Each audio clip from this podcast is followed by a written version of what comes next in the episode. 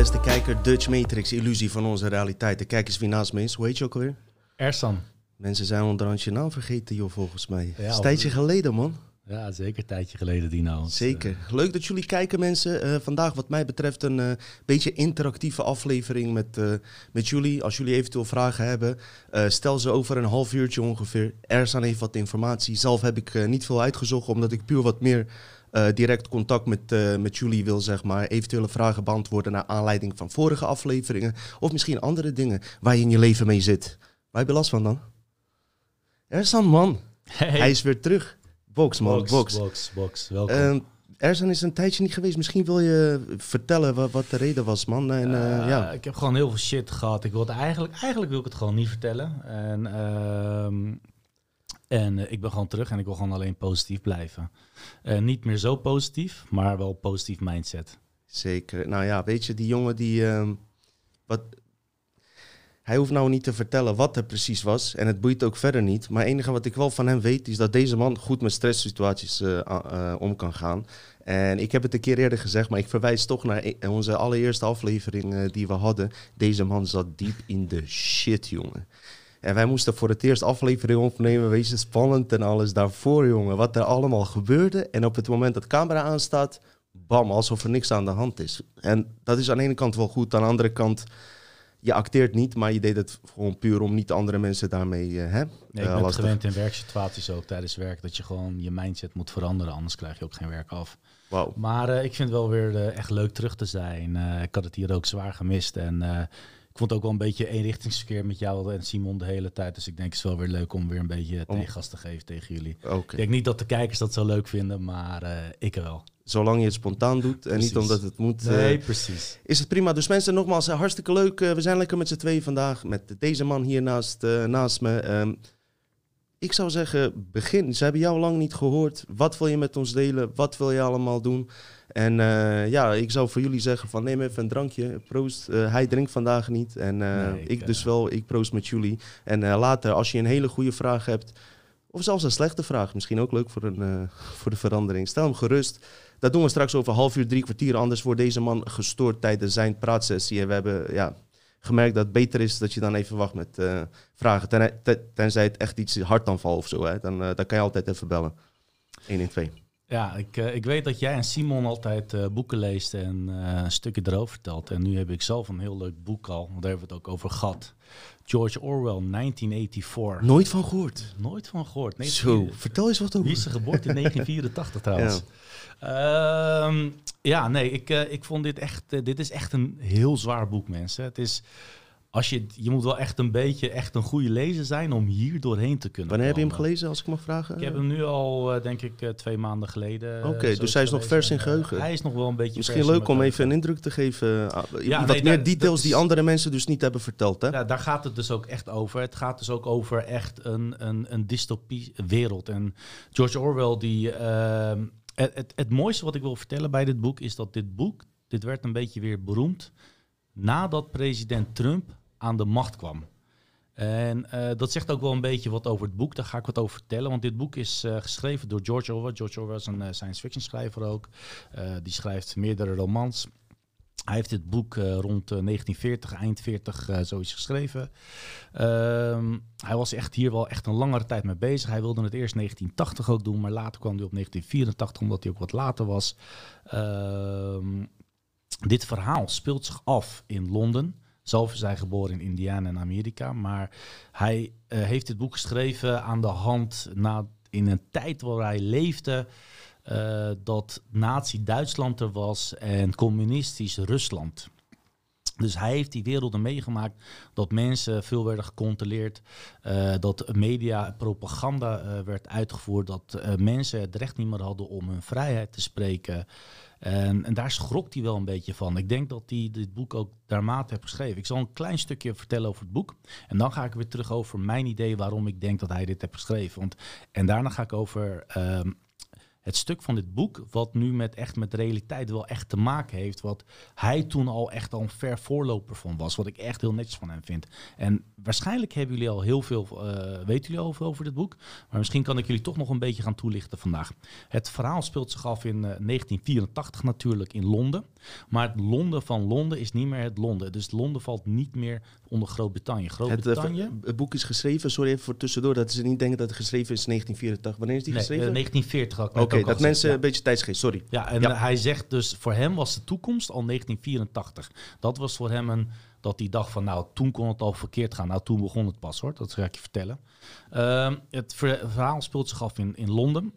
Uh, er is na de Tweede Wereldoorlog is er een derde wereldoorlog gekomen. Uh, in die derde wereldoorlog zijn er heel veel kernoorlogen gebeurd. Maar Londen is mysterieus heel gebleven. Dus je kon daar nog overheen lopen. Uh, je kon daar nog werken, wonen, uh, werelden. Maar in een wereld dat gecontroleerd wordt door, door slechts 2% van de, van de mensheid. Die de rest van de wereld totaal controleert en totaal beheerst. Um, na de Derde Wereldoorlog, dus er zijn meerdere oorlogen geweest, had je dus drie continenten. De continentale wereld, de oceane wereld.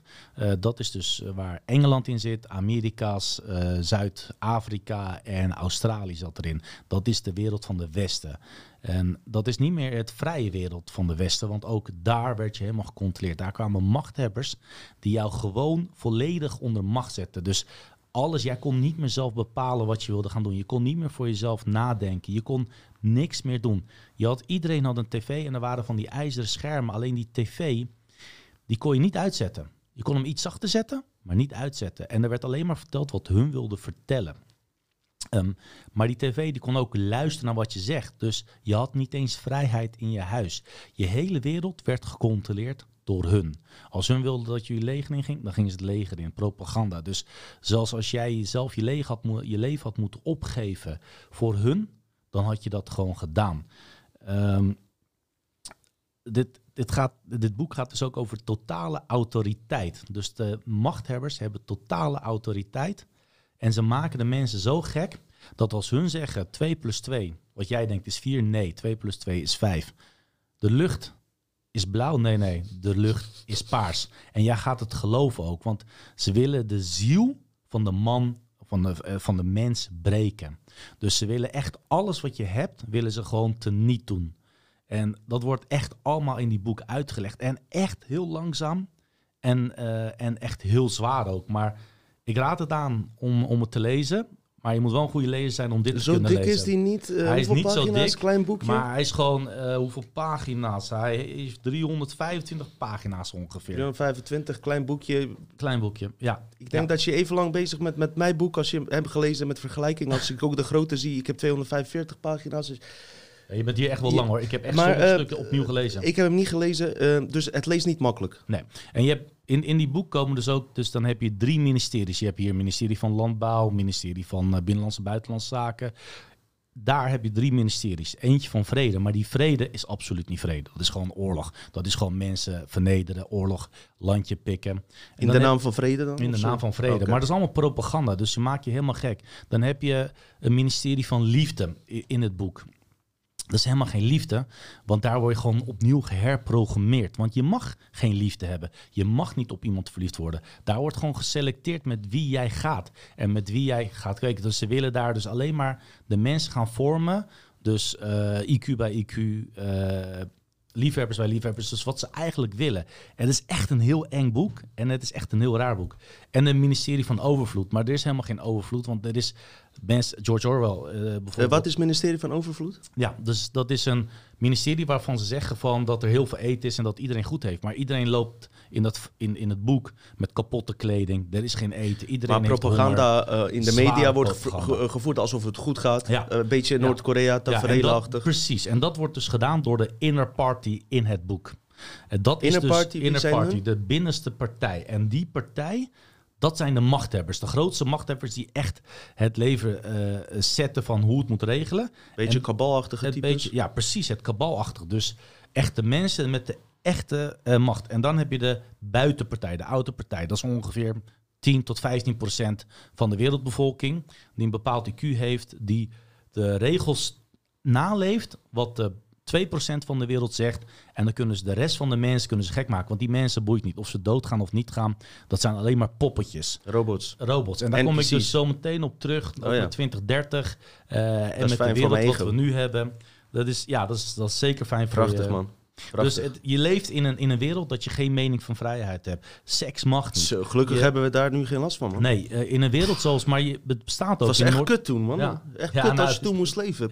Als je in die wereld, fictiewereld. Maar Oh. hetzelfde is in Zijn wij blij hier, hè? Want ook in het boek moet je meedoen aan eh taptoes en dergelijke. Als je dat niet doet, ben je gewoon dood. Dat is hetzelfde als... eh, als Squid Games. ja, je wordt precies, maar je wordt de hele tijd geprogrammeerd. En je wordt de hele tijd word je eh, projectie tegen je aangegooid... dat je niet eens de tijd krijgt om zelf na te denken. Mm. Nou, wat probeert eh, eh, George Orwell nou het gevoel te geven? Er is een, een, een, een speler, die heet, eh, een, een, een, karakter, die heet Winston. Even tussendoor, als je dat boek echt wil lezen, zei ik ook toen, toen Simon. Ik vind wel mooi dat je hem uitgebreid vertelt, want heel veel mensen is de stap moeilijk om hem echt te lezen. We horen er veel over. Maar hij vertelt er gedetailleerd over. En eh, niet zeiken als hij te veel details dan vertelt. Dan moet je gewoon overzeppen naar eh, RTL Boulevard. Bestaat het nog? Ja, ja, ja, sommige mensen zijn niet hoog opgeleid, zeggen ze. maar die ik vind wel dat je het mooi vertelt, want ik wil wel horen hoor. Dus ga maar verder. Oké. Maar anders gaan ze zeuren dat, dat je alles verklapt. Maar Ja. ga maar verder. Ik vind hem wel interessant. Ga Ja, maar door. het is, het is, het, Uitgebreid. Precies, maar je leest hem gemakkelijker nadat ik hem een beetje stukje heb verteld Mm. over, eh, over, eh, over wat. Dus er speelt een eh, karakter in die heet Vincent. Vincent die, eh, die werkt voor, de, voor een organisatie en... in het verhaal, even heel kort, komt hij dus twee mensen tegen waarvan hij denkt dat hij vriend is, maar hij heeft eigenlijk nog nooit die vrienden meegemaakt. De eentje is Julia, waar hij eigenlijk een beetje verliefd op is, maar hij haat haar. Waarom? Omdat hij denkt dat hij haar toch niet kan krijgen. Nou, een mooi verhaal, mooi roman, want het gaat wel om een roman. En dan heeft hij nog een, eh, een andere eh, persoon. Zo is, het eh, boek er ook uit. Met de kaft en alles en opbouw. Het is ook een beetje rood, een beetje duisters. O'Brien. En O'Brien werkt voor de Auto Party. Dus hij is echt een machtshebber. Hij is echt iemand die regels kan zetten, die wetten kan doen. En George Orwell wordt eigenlijk gek in die wereld. Hij denkt, hij wil eigenlijk eh, rebels worden. Hij wil eigenlijk rebelleren. Hij kan er niet meer tegen. Speelt hij uit eigen personage? Uit zichzelf? Of een Eh, bedacht iemand? Hij, hij is iemand bedacht. Dus Winston is totaal Oké. iemand bedacht. Maar die Winston die schrijft dus dat ook is een alter ego in ja, die... Een dagboek. Maar een dagboek schrijven in die, die wereld kan je al je dood kosten. Kan je al dood zijn. En Julia, dat die meid, is een leuke meid blijkbaar. eh, die is monteur, die, die is technisch. En op een gegeven moment, want, want ze komen elkaar heel vaak tegen, krijgt hij een briefje van haar dat, die, dat zij eh, verliefd is op hem. Eh, dat hij me kennis wil maken. Maar dat is wel van, hey, vertrouw je dat, vertrouw je niet?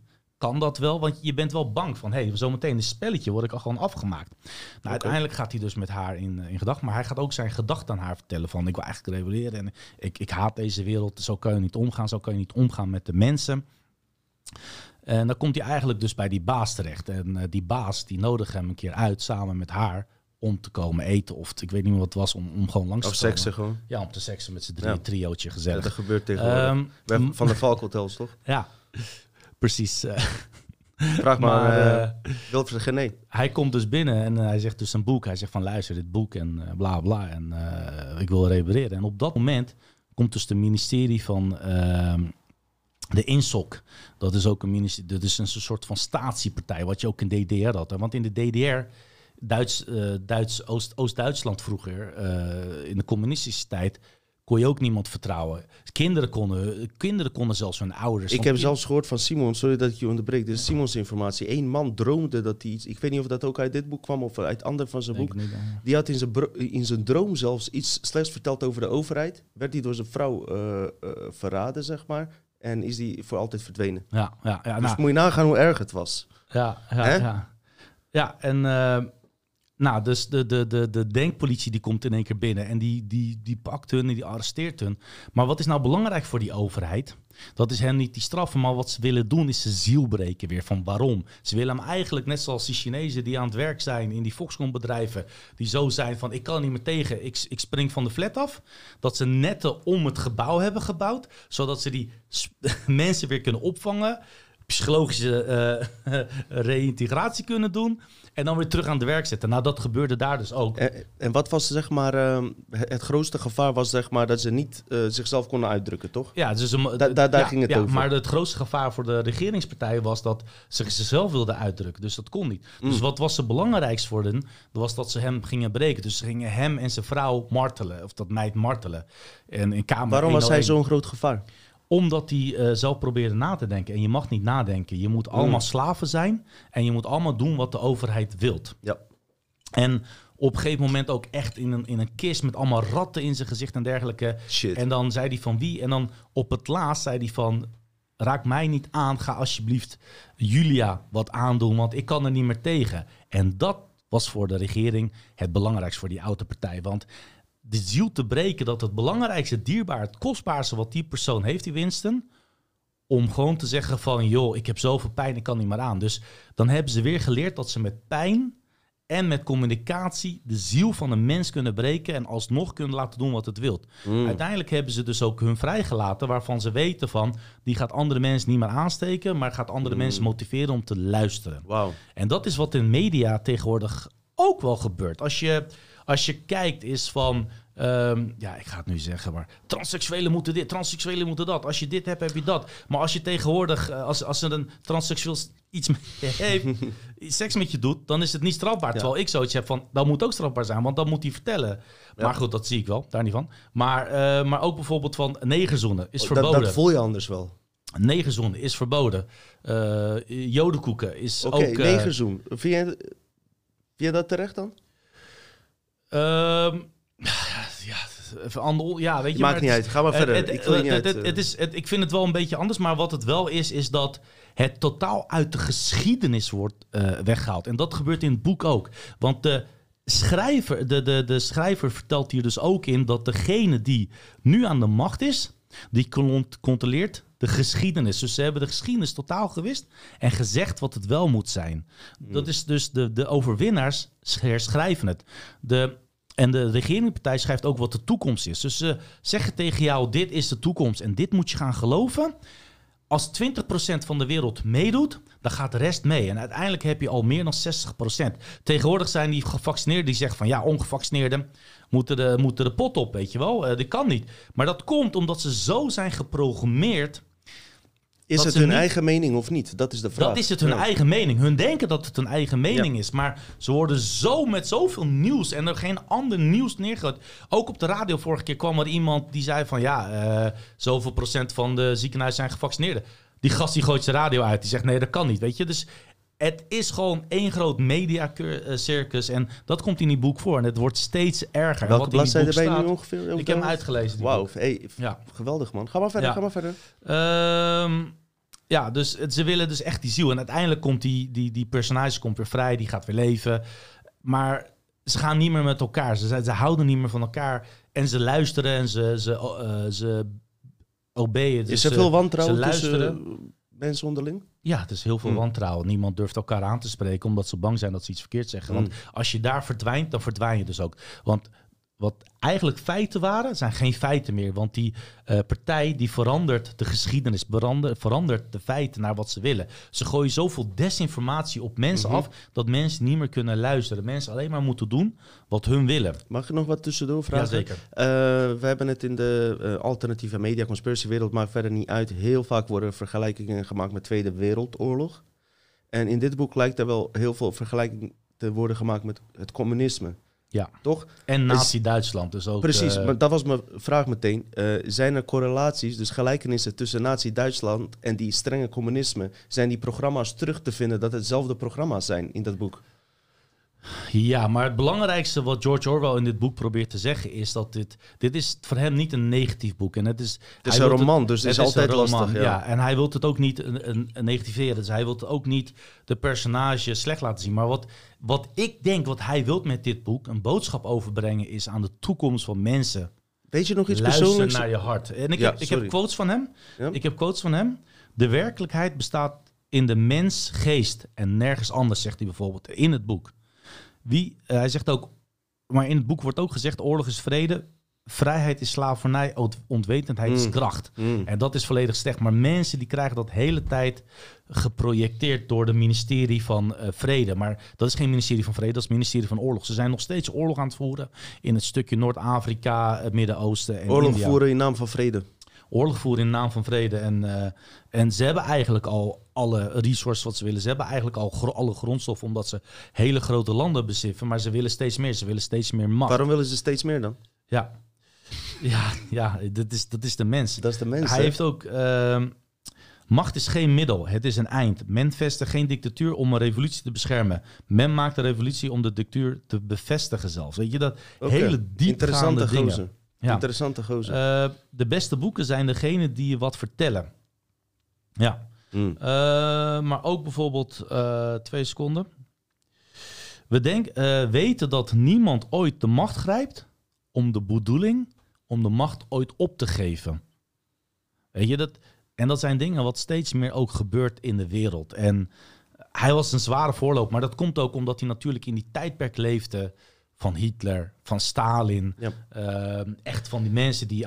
Stalin, daar kon je niks tegen zeggen. Hè? Dus dat is, Klopt. als jij een grapje maakte over hem, Mhm. dan had één iemand van had het wel gezegd. En er werd niet gecontroleerd. Er was geen rechtbank. Nee, die persoon was kwijt. Nooit Klopt. meer wat. Als de familie omzeurde, was de familie ook kwijt. Mm. En zo ging het. Er zijn meer Chantage doden gevallen manier. Ja. na de Tweede Wereldoorlog door Stalin dan tijdens de Wereldoorlog. Dat is echt verschrikkelijk. Kunnen we concluderen uit wat je net hebt verteld dat het programma zodanig hetzelfde was, software om ons te programmeren, mind control, ja, dat we het nu terug herkennen. Dat we kunnen zeggen van, hé, hey, er wordt telkens dezelfde software gebruikt. Juist, precies. Dus Ja. ook, ja, maar het is ook bijvoorbeeld met de troonrede dat eh, de koning eh, Willem-Alexander die gaat dan praten en die zegt dan van mensen, eh, jullie moeten tevreden zijn met wat jullie hebben. Laten we niet te veel naar de media kijken, terwijl die zelf wel steeds meer eh, geld vraagt, steeds meer subsidies vraagt, steeds een verhoging vraagt, maar dan wel een vinger wijst van wees gewoon tevreden met wat jullie hebben. Kijk niet te veel om jullie heen. En dat is die 1%, die 2% van de machthebbers. En het gebeurt ook steeds meer. Eh, steeds meer worden, ja, wat is het? Jan-Piet Hein Koen Zoons. Mhm. Jan, ja, ja, Koen bijvoorbeeld, ook van de, de Koentunnel. Die man die eh, Nederland wel heeft groot gemaakt, de VOC heeft groot gemaakt. Opperbevelper van de VOC. Natuurlijk heeft hij hele slechte dingen gedaan. Tuurlijk, VOC Ehm, was eh, ellende. Maar ze willen het stukje willen ze steeds meer van de geschiedenis verwijderen. En ze gaan Mag ook te- Ja. terugkomen op Willem-Alexander, zeg maar. Eh, je vertelt dat. Eh, ik ben echt even benieuwd. Sorry dat ik je elke keer onderbreek, want eh, het is wel eh, de moeite waard om even te sch- kunnen schakelen. Hoe staat eh, Turkse president Erdogan? Ben ik echt benieuwd naar. Ben ik echt niet mee bekend op dit moment tegen COVID, tegenover COVID en deze situatie. Gaat hij mee in alles? Ja, nee, de, de hele, dat is, op dat is dit het moment? raar. De hele wereld die gaat Want je mee was, in laatst, je, je was tot voor kort in Turkije. Ja, toch? ik was tot voor kort in Turkije. Ehm, iedereen is daar eh, corona bang. Mhm. Eh, Terwijl Turken eh, bekend staan dat het best wel strijders zijn. ja, maar... Tot in het bot. Maar het punt is, ze zijn, er zijn ja, toch 60% van alle Turken die staan toch wel achter hem en ook achter de regering. Dus, maar ook beide partijen, der, alle drie de partijen, vierde partijen, die zeggen allemaal: ga je vaccineren. Ook Trump is gevaccineerd. Ik weet niet of je het weet. Nee? Volgens mij was hij gevaccineerd, ja. Maar ook, Ja. ook Fox News zegt ook: laat je vaccineren. Mhm. Ehm, Maar Erdogan, die- eh, die- hoe, hoe, hoe gaat hij hiermee om? hij heeft zich ook maar? laten vaccineren. Da- Gaat Ja, hij om nee, vaccineren? maar maar ja. deze hele situatie. Hoe gaat hij om met die in- situatie? Ja, ehm, de, ze zijn best wel streng. Dus je hebt daar ook bepaalde... Je hebt een HES-code. Je moet je code overal laten zien waar je binnen wilt komen. Ook binnen het land. Overal wordt streng gecontroleerd.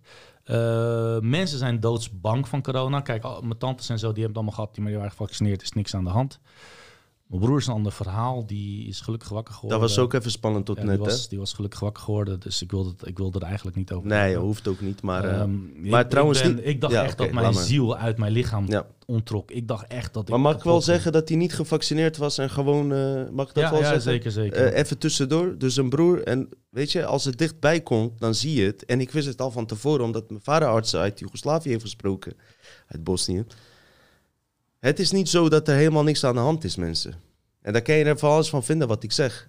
Met onderliggende dingen hè, waar we het over hebben. Maar in geval van zijn broer is een kerngezonde man. Maar verder wil ik daar niks over kwijt. Dat moet hij maar doen, weet je. Maar die lag wel eh, in een kritieke situatie, dat ja, wil ik hele alleen zeggen. situatie. En ik heb een paar maanden geleden gezegd, die kabal gaat je straks zodanig terugpakken met dit soort voorbeelden van zijn broer. Hè? Dus kijk uit met wat je allemaal openbaar zegt, dat het helemaal niet gevaarlijk is. Maar, eh, hey, ik sta achter jullie, hè? Hey, dat weet je, hè? Ja, ik Hè? ook. Anders ben je echt een viezerik, hè? hè? Ersan is ik- ook niet ik gevaccineerd. hoop dat wat ik heb gekregen echt niemand. Ik, ik, ik wens het mezelf mijn eigen Nou, dan. vrij- vijand niet. eh, Ja, wat was er dan? ik ben echt, eh, echt lang ziek geweest. Ook eh, foto's In Turkije, maken. toch? In Turkije ook. Met pijn en moeite hier gekomen, met toch? pijn en moeite hier gekomen. Want je had ik ga tweede corona. helemaal vertellen hoor. Ja, was ik tweede corona. had, nou, ik had, ik had Eerst dacht ik dat corona had, dat mijn zoon twee- corona twee had. keer ik, ging niet, ik ging niet testen.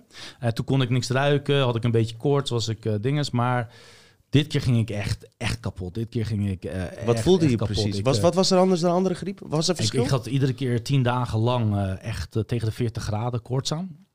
Merkte je verschil met andere griep? Ja, dit, is, dit, dit was echt heel vaag. Dit was, dit was niet een griep. Dit was een virus waarvan mijn lichaam gewoon echt misselijk van binnen werd. Ik kreeg een vieze smaak. En ik kan Turkije niet al mijn vitamines wat ik kon. En ik kon daar niet alles, al, al mijn gemberthees en kurkuma's en, en zink en, en alles krijgen wat ik Mhm. wilde. En zelfs mijn vitamine C niet. En Ja, ik kon niks eten. Ik, ja, dat heb je je daar zeker ook niet. Ook geen goeie. Nee, jammer. Ehm, meer dan 10 kilo Ze eh, hebben wel af- afgevallen. Ehm, wel wat aangekomen nu. Maar ik wil het er eigenlijk helemaal niet over Nee, hebben. goed. Ik wil het eigenlijk gozer. over die boek hebben. Geen- Sorry gozer, maar echt, eh, ik voelde eigenlijk jou in... eh, deze man heeft Ja. eh, in ieder geval de laatste paar weken... Daarom hebben jullie hem niet gezien. Voor mensen die denken, hé, waarom is Ersan er niet? Deze man heeft dit soort dingen allemaal gehad en dan gecombineerd. Maar wat ik dus knap van hem vind, daar wil ik naartoe met dit verhaal... is dat, de- dat hij daar... on- dat hij het hier toch is. En hij was degene die eh, met het idee kwam om deze live af- aflevering te doen. Want ik had het niet verwacht. Respect voor hem. Wie weet in de toekomst hoor je het. Het boeit Ja. ook verder niet veel voor jou persoonlijk, weet je. Het is zijn eh privé-situatie. George Orwell. Het was, ja, dat was Raad je hem eh, aan George of niet? Ik raad George Orwell ook aan, maar dan ook voor jezelf echt na te denken. Bijvoorbeeld net wat ik zei is, geschiedenissen worden steeds meer veranderd. Werelden worden steeds meer omgezet. Mensen die lopen sneller achteraan. Je kan niet meer voor jezelf nadenken. En de, George Orwell probeerde echt het gevoel te geven, denk ik, naar mij toe. Van blijf gefocust, blijf zelf nadenken. Blijf zelf nadenken van wat gebeurt hier? Waarom gaan mensen steeds meer achter één groepje? Waarom gaan ze steeds meer gemakkelijker één richting op? Ja, dat is de boodschap En- die nu ook Ja, telkens wordt herhaald. Waarom geloven Ja. ze het zoveel? En dat komt, die, die tv's die zijn er ook. En waarschijnlijk die tv's, een speaker, iedereen weet het, dat is gewoon een magneet. Omgekeerd is dit een microfoon. Om, als je hem omdraait, kan je gewoon muziek uitspelen. Misschien luisteren ze wel. Die telefoon, als ik met die fucking telefoon speel en ik zeg, eh, joh, ik heb echt eh, schoenmaat 44 nodig. Binnen drie minuten heb ik reclame over een schoenmaat met 43. Ja, doe hem dan weg, man. Dus eh, ja, ik kan niet. Ja, ja. Het is. Ik, heb ook controleer nog- die telefoon. ik heb niet, hem ook nog steeds hoor. Die Dus, telefoon controleert mij. ja, en dat geef ik echt precies. iedereen eerlijk toe. ja, en, En- dat moeten we ook ons beseffen, toch? Ja, niet alleen telefoon, er zijn Nee. meer dingen nog. Nee, En nee. je denkt als je van je telefoon af bent dat het dan niet gebeurt. Nou, dat is dus ook niet zo. Hè? Ja, ja, maar het is dus ook. Die, die ging Maar het is wel een goede eerste stap eh, Ja, trouwens. Moet ik ook- doen. Ook bijvoorbeeld dat in Congo miljoenen, miljoenen Afrikanen door die Belgen zijn vermoord. Wanneer was dat dan? Door je, dat, eh, dat is 100 jaar terug, 1760 of zo, 1860 zoiets. En ehm, daar hoor je dus niks meer van. Waarom? Geschiedenis wordt door het Westen geschreven. Ja. En Er gebeuren veel dingen, weet je. Dus je kan Ja. moeilijk dingen ook terughalen elke keer van vroeger. We moeten nu klannen, ja, als je dit boek leest, denk niet aan het einde een negatieve tijd. Het is wel erg probeer daar zelf na te denken van waarom denk je dat hij dit boek heeft geschreven? In welke tijd leefde hij? Wat heeft hij zelf meegemaakt? Waarschijnlijk wilde hij altijd een vrije wereld en een, een, een neutrale en een goede wereld oprichten. Maar langzamerhand worden we steeds meer gecontroleerd door alles en iedereen. Nou, ik denk dat je dat eh, tot nu toe, wat ik ooit online ergens heb gezien op video, nog nooit zo'n lange omschrijving heb gezien van dat boek. Maar Sorry ik als hoef- jullie verveelden. Nou, ik niet, want ik hoef hem nou niet te lezen, weet je. Dat scheelt me toch drie uur, dus je hebt wat zeldzame tijd gewonnen. Zoals ik zei, ik heb niet veel ehm, zelf verzameld, maar eh, ik zit wel met genoeg informatie om eh, terug te kunnen koppelen met de onderwerpen hiervoor, zoals laatste aflevering. En eventuele vragen die jullie straks hebben, die je ongeveer over 20, 25 minuten kan stellen. Kijk maar zelf. Ik weet niet of we moeten pissen of naar de, weet je, grote beurt doen. Moet je maar even zelf kijken. Wat, ik- wil even weer terug naar de basis gaan, omdat de vorige aflevering zo fucking mind-blowing was voor sommige mensen. Ik ga gewoon terug naar eh, het volgende wat ik tussendoor tegenkwam, omdat ik helemaal geen zin had. Eigenlijk zou deze week zou ik niet eens uitzenden. De- dankzij deze man is dat wel gebeurd. Ik had niet verwacht dat hij zo snel zou herstellen. En ehm, over fluoride. Hij stelt niks voor, hè? het is een basic onderwerp. Hè? Weet je ook wel, Ersan, dat uh, fluoride in het water zit. In tandpasta. En uh, dat het begonnen is in de Tweede Wereldoorlog. Zijn ze met die experimenten begonnen. En daar moet je al vragen bij stellen, waarom dat daar al is begonnen. Maar even terug naar de basis, om even... En oh, je kan je ook koppelen aan wat hij net eigenlijk zegt. Na de Tweede Wereldoorlog, ik heb oude Nederlandse mensen gesproken uh, ook toen ik net in Nederland kwam wonen, mijn ouders raakten bevriend met een uh, oud stel uh, buren van ons. Gingen, gingen ze heel goed mee om, zo leerden ze ook Nederlands. Maar die mensen hadden ook Tweede Wereldoorlog meegemaakt. En weet je, ik praat nu over 30 jaar terug. En dat waren toen mensen van 55, 60, weet je. Kon je gewoon nog helder mee praten, zeg maar. En die vertelden dat Nederland er echt kut voor zat. Weet je, Rotterdam was helemaal plat gebombardeerd. Amsterdam hebben ze nog een beetje heel gehouden. Ik weet niet of daar een complot achter zit. Nee, een grapje. Maar wat ik wil zeggen, er, waren, er was veel armoede. Mensen hadden niks te vreten. Vraag het aan je overgrootoma. En uh, die zou hetzelfde zeggen. Ze moesten soms uh, één normale maaltijd met z'n zes en zevende delen, weet je. Het was gewoon kut in Nederland. Maar wat doet de overheid? In plaats van infrastructuur aan te leggen en alle gebouwen weer te gaan herstellen na de Tweede Wereldoorlog, vonden zij toch heel erg belangrijk dat jouw gebit in orde was. Dus deden ze fluoride in onze water. In ons water hier in Nederland. Althans, ik woonde daar toen niet, was niet geboren. Maar het maakt niet uit je voorouders. Floride in het water. Ik denk bij mezelf zo, zo. Dus het hele land is naar de kloten. Alles, weet je wel. Eerste behoeftes om uh, heropbouw te doen. Primaire behoeftes. Je denkt bij jezelf eten, drinken, onderdak. Nee, je gebit moet schoon zijn. Wat heb je aan een schoon gebit als je niks kan vreten? Even serieus. Dus dat, dan is het uh, voor heel veel mensen psychopathisch dat je er iets meer achter gaat zoeken wat die fluoride is. Zij beweren, ja, dat hebben we in het water gegooid, zodat iedereen dat kon uh, drinken, zeg maar. En uh, dat het gebit beter was. Maar waarom hebben ze dan twintig jaar later, zijn ze daar toch mee gestopt? Wat is daar de reden van? Zal ik het voorlezen? Graag. Want ik graag. heb het niet voorbereid. Ja. Oké. Okay. Ik dacht voor de verandering, omdat ik in het algemeen best wel underground bronnen heb en eigenlijk is dit ook uh, niet goed dat ik dit zeg, want er zijn gewoon hooggeleerde mensen die voor Silicon Valley werken, in geval van laatste aflevering. Bedankt voor jullie likes en alles en uh, goede ontvangst. Ik ben blij dat ik die aflevering heb gemaakt. Het heeft me heel veel fucking energie gekost.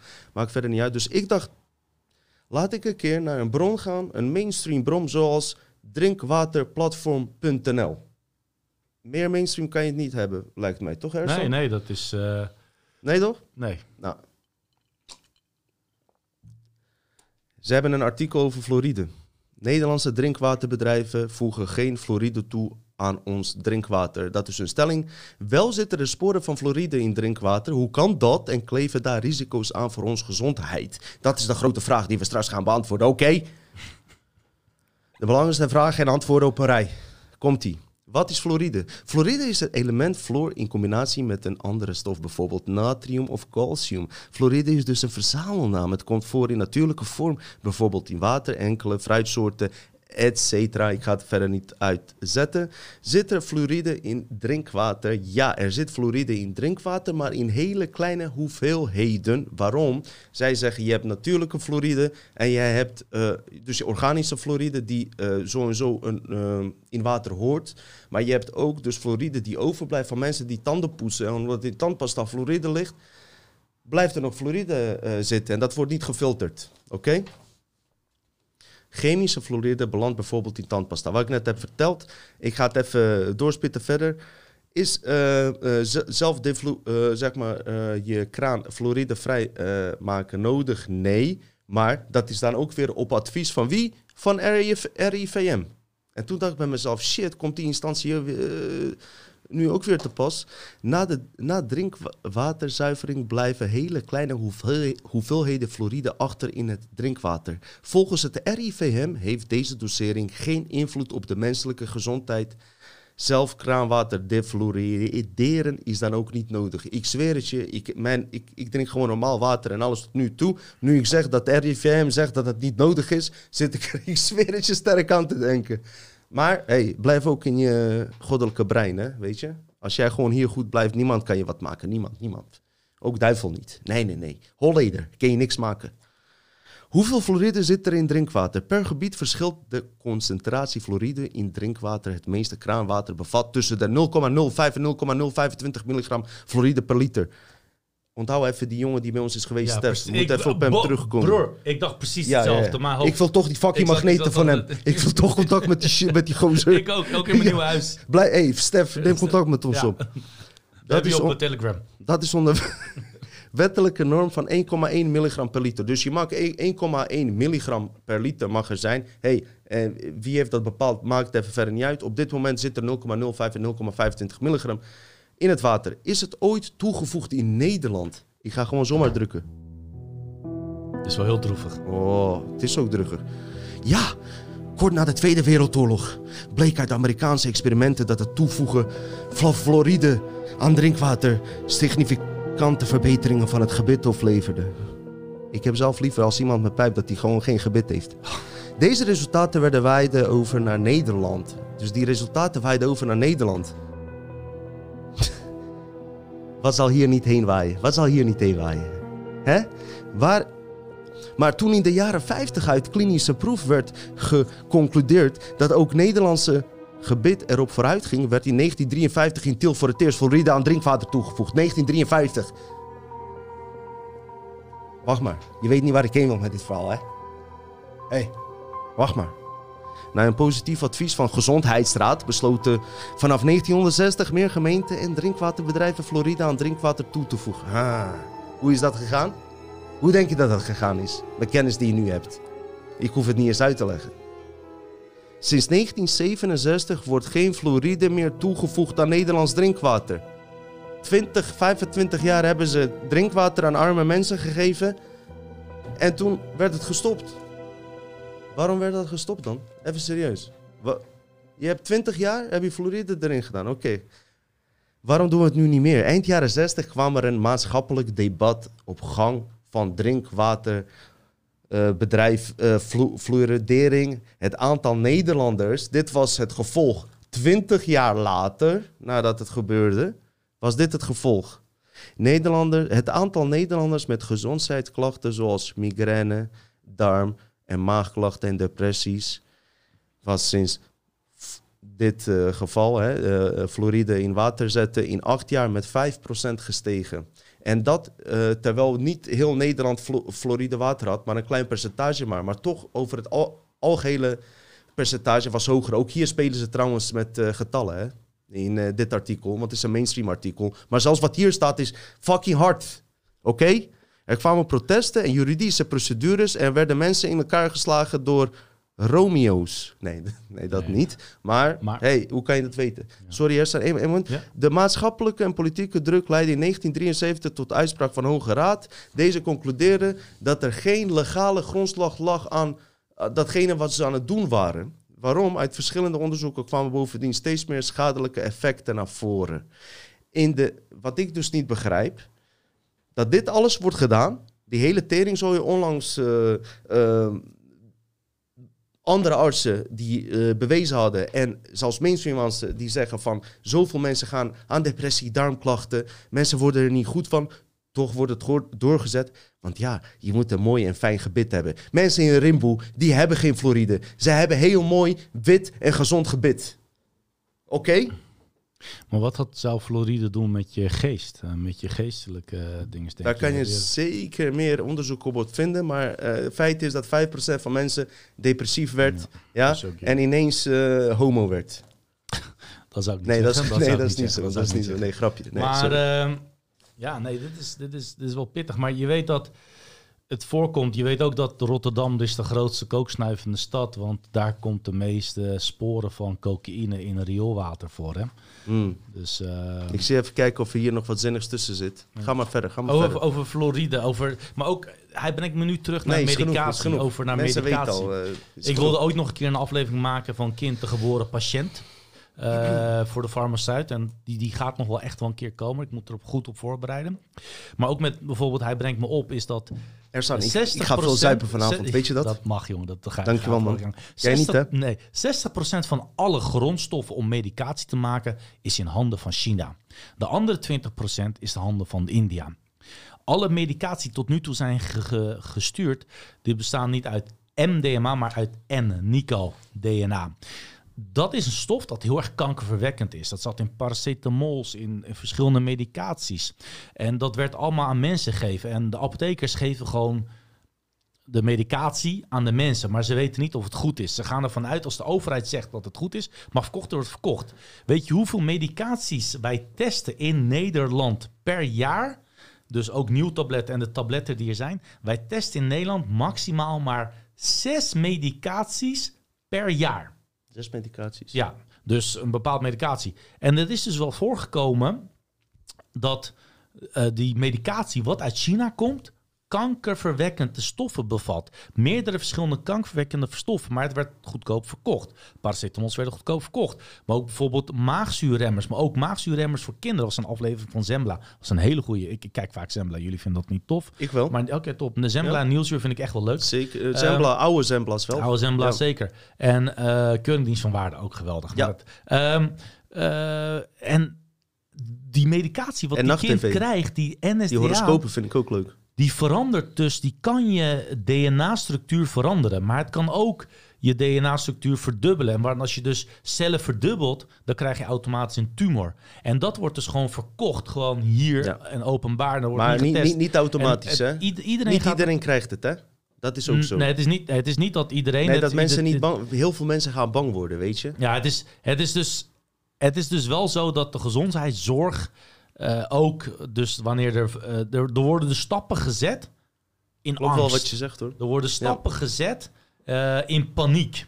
Ehm, en dat is vaak niet de belangrijkste. Vaak is de basic stappen, dus gewoon gezond leven. Want je kan ook vitamine C. Je, mensen komen ook vitamine D tekort in de, hier in Nederland. Het is geen zon, door dan, Door vitamine chemtrails, D. hè? Weet je, ja.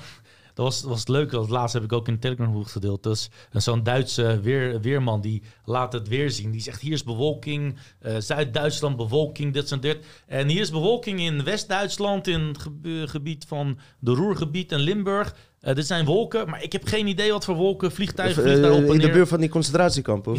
Nee, nee, nee, nee. Ah, nee? Maar daar, dus dat zijn dus eh, wolken. Dus die, die, die Mm. weerman die zegt ook van... ik heb geen idee wat voor wolken dit zijn. Maar we gaan echt heel erg hak op de tak, eh Dino. Nee, Maar- geeft niet. Mag ook wel deze aflevering, vind ja? ik? Oké, top. Vind ik wel. Top. Dus ja, weet je, dus, dus wat jij net zegt, dat snap ik wel. Maar Ja. wat, wat de kijkers dan hier belangrijk vinden, is denk ik van... wat doet dit met je mind en je chemische? Ja. Wat doet dit met je... Hoe heet dit klier ook weer? Je schildklier? Nou, wa- wat, wat, Ehm. mijn eh, boodschap hieraan was meer van niet in hoezeer gevaarlijk dit allemaal wel niet is. Want ik heb al eerder over gehad, het gaat er ook wel eh, om van eh, ehm, hoe bewust je hiermee omgaat. Ik denk als je doorhebt dat het slecht voor je is, ehm, dat, dat je dan stappen onderneemt. Maar dat je ook dan je lichaam neutraliseert via kwantumfysica, waar we het eerlijk, eh, eerder al over gehad hebben. Dat je niet echt eh, te veel bij moet staan, want er zijn zoveel dingen slecht hier op de wereld. En als je daar te veel mee gaat bezighouden met al die slechte dingen, raak je ook paranoia. Daar moet je dan ook wel een tussenweg in zien te vinden. Zoals wat ik vorige keer vertelde met mijn zoontje.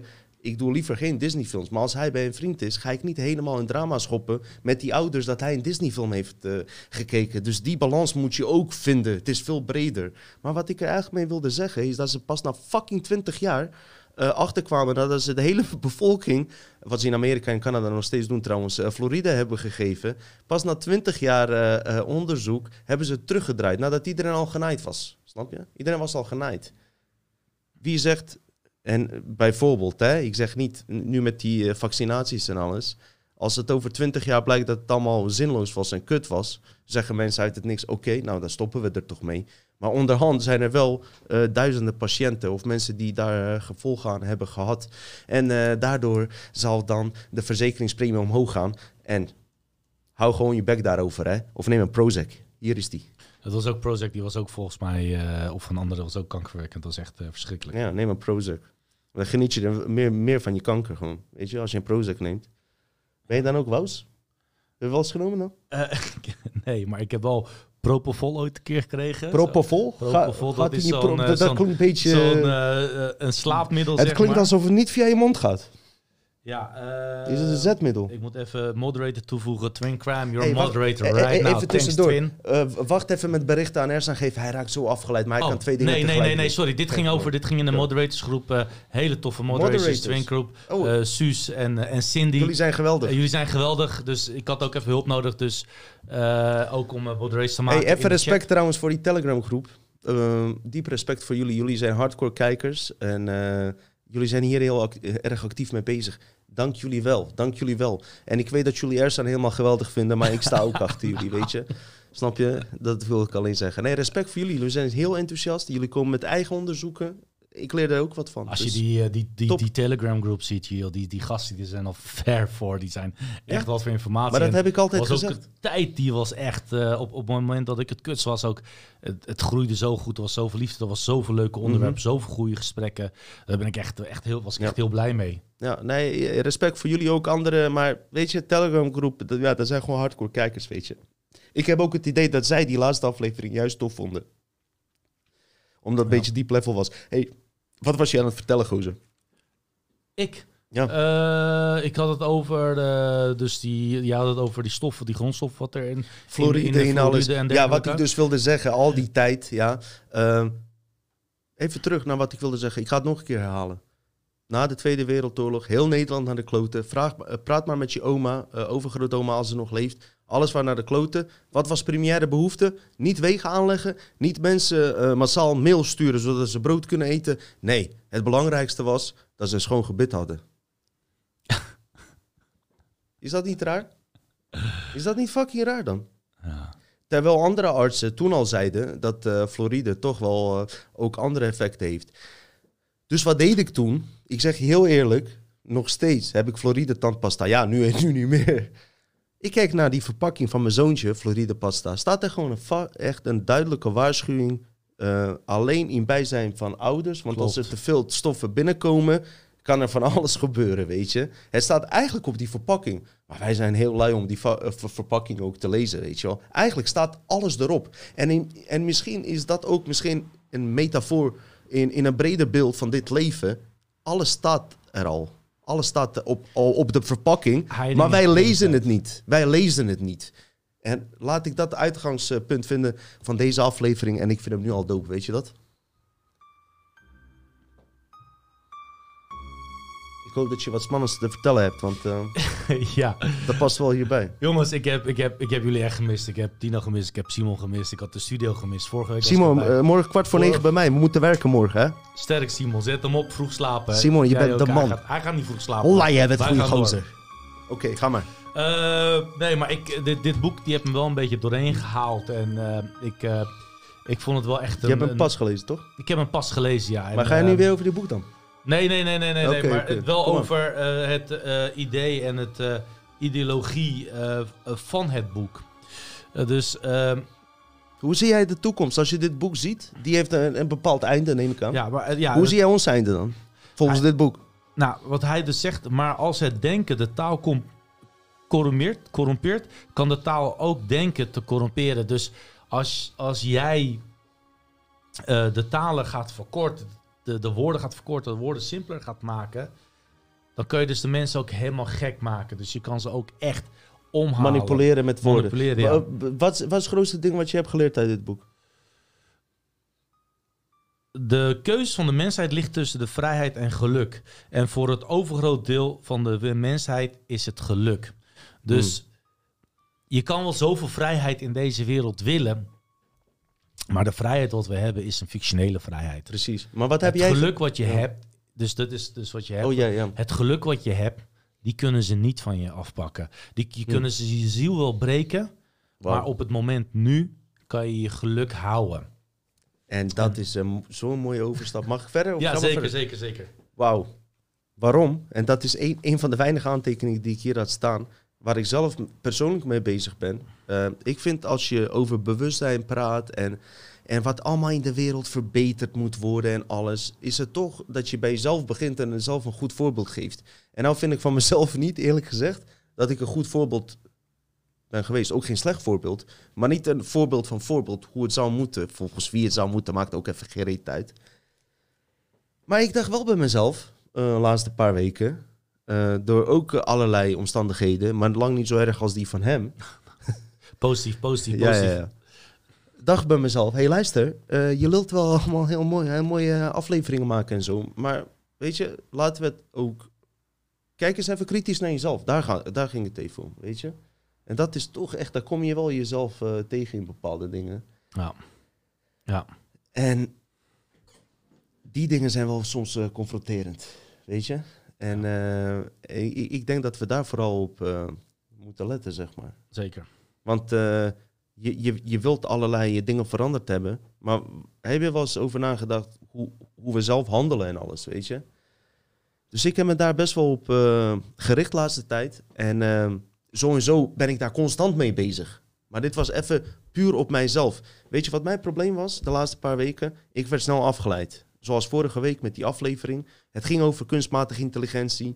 En eh, best wel diepe onderwerpen. Jongen, alles werd eraan gedaan om die aflevering maar niet te krijgen. Door allerlei eh, dingen die ik niet ga opnoemen. Maakt verder niet uit. Maar toen dacht ik bij mezelf: oké, weet je. eh, wanneer geniet ik van mijn leven eigenlijk? De laatste paar weken. Ik heb niet genoten. Dat durf ik ook te zeggen. Ik heb niet van mijn leven genoten. is zo voorbij gaan. Was ik depressief? Nee, ook niet. Maar heb ik het bewust geleefd? Laatste half jaar, drie, vier, nou, drie, twee, drie maanden? Nee. Het is zo snel voorbij gegaan dat ik het niet eens meer kan navertellen. Ik was niet altijd aanwezig. Waarom? Door externe factoren, waaronder ook deze podcast valt. Het is toch een soort van ja, verplichting op een veel dieper level. Het moet toch weer worden uitgezonden. Fulltime job, kind, dit, hierheen, daarheen waardoor je niet bewust in het moment aanwezig bent. Dus voor de kijkers die het interessant vinden, waar ik nu mee bezig ben, is bewust aanwezig zijn. Wat betekent bewust aanwezig zijn? Van het moment dat je wakker wordt, wat gebeurt er? Je gaat automatisch je bed uit. En als het kut gaat, zeg je met verkeerde been je bed uitgestapt. Maar je bent niet bewust je been uitgestapt. Daar gaat het om. Van het moment dat je opstaat, heb je al, al een eh, algoritme, die zit ingebouwd in je brein hoe het allemaal gaat. En daar ben ik op gaan letten. Je staat op, je gaat je bed uit, je gaat tanden poetsen. Precies op dezelfde manier. Alles gaat maar hetzelfde, hetzelfde, hetzelfde. Nu dacht ik van, alles mag wel hetzelfde zijn. Maar nu ben ik echt zelf aanwezig. Observeren, het moment zelf. Ik ben er. Ik neem het waar. Ik ben hier. Dus, als ik mijn bed uitstap, besluit ik zelf, ik ga nu mijn bed uitstappen. En dan plan ik voorzichtig in. Tanden poetsen, aftrekken, dit, dat, weet je. En ehm, eh, op een gegeven moment ga ik koffie drinken. Op balkon. Zonnetje komt net mooi op. En dan maak ik een plan hoe mijn dag er gaat uitzien. Oké? Dat heb ik al die tijd niet gedaan. Terwijl ik het wel wist. Want een paar, paar jaar geleden deed ik het wel. Staat zelfs in het boek The Secret staat het zelfs.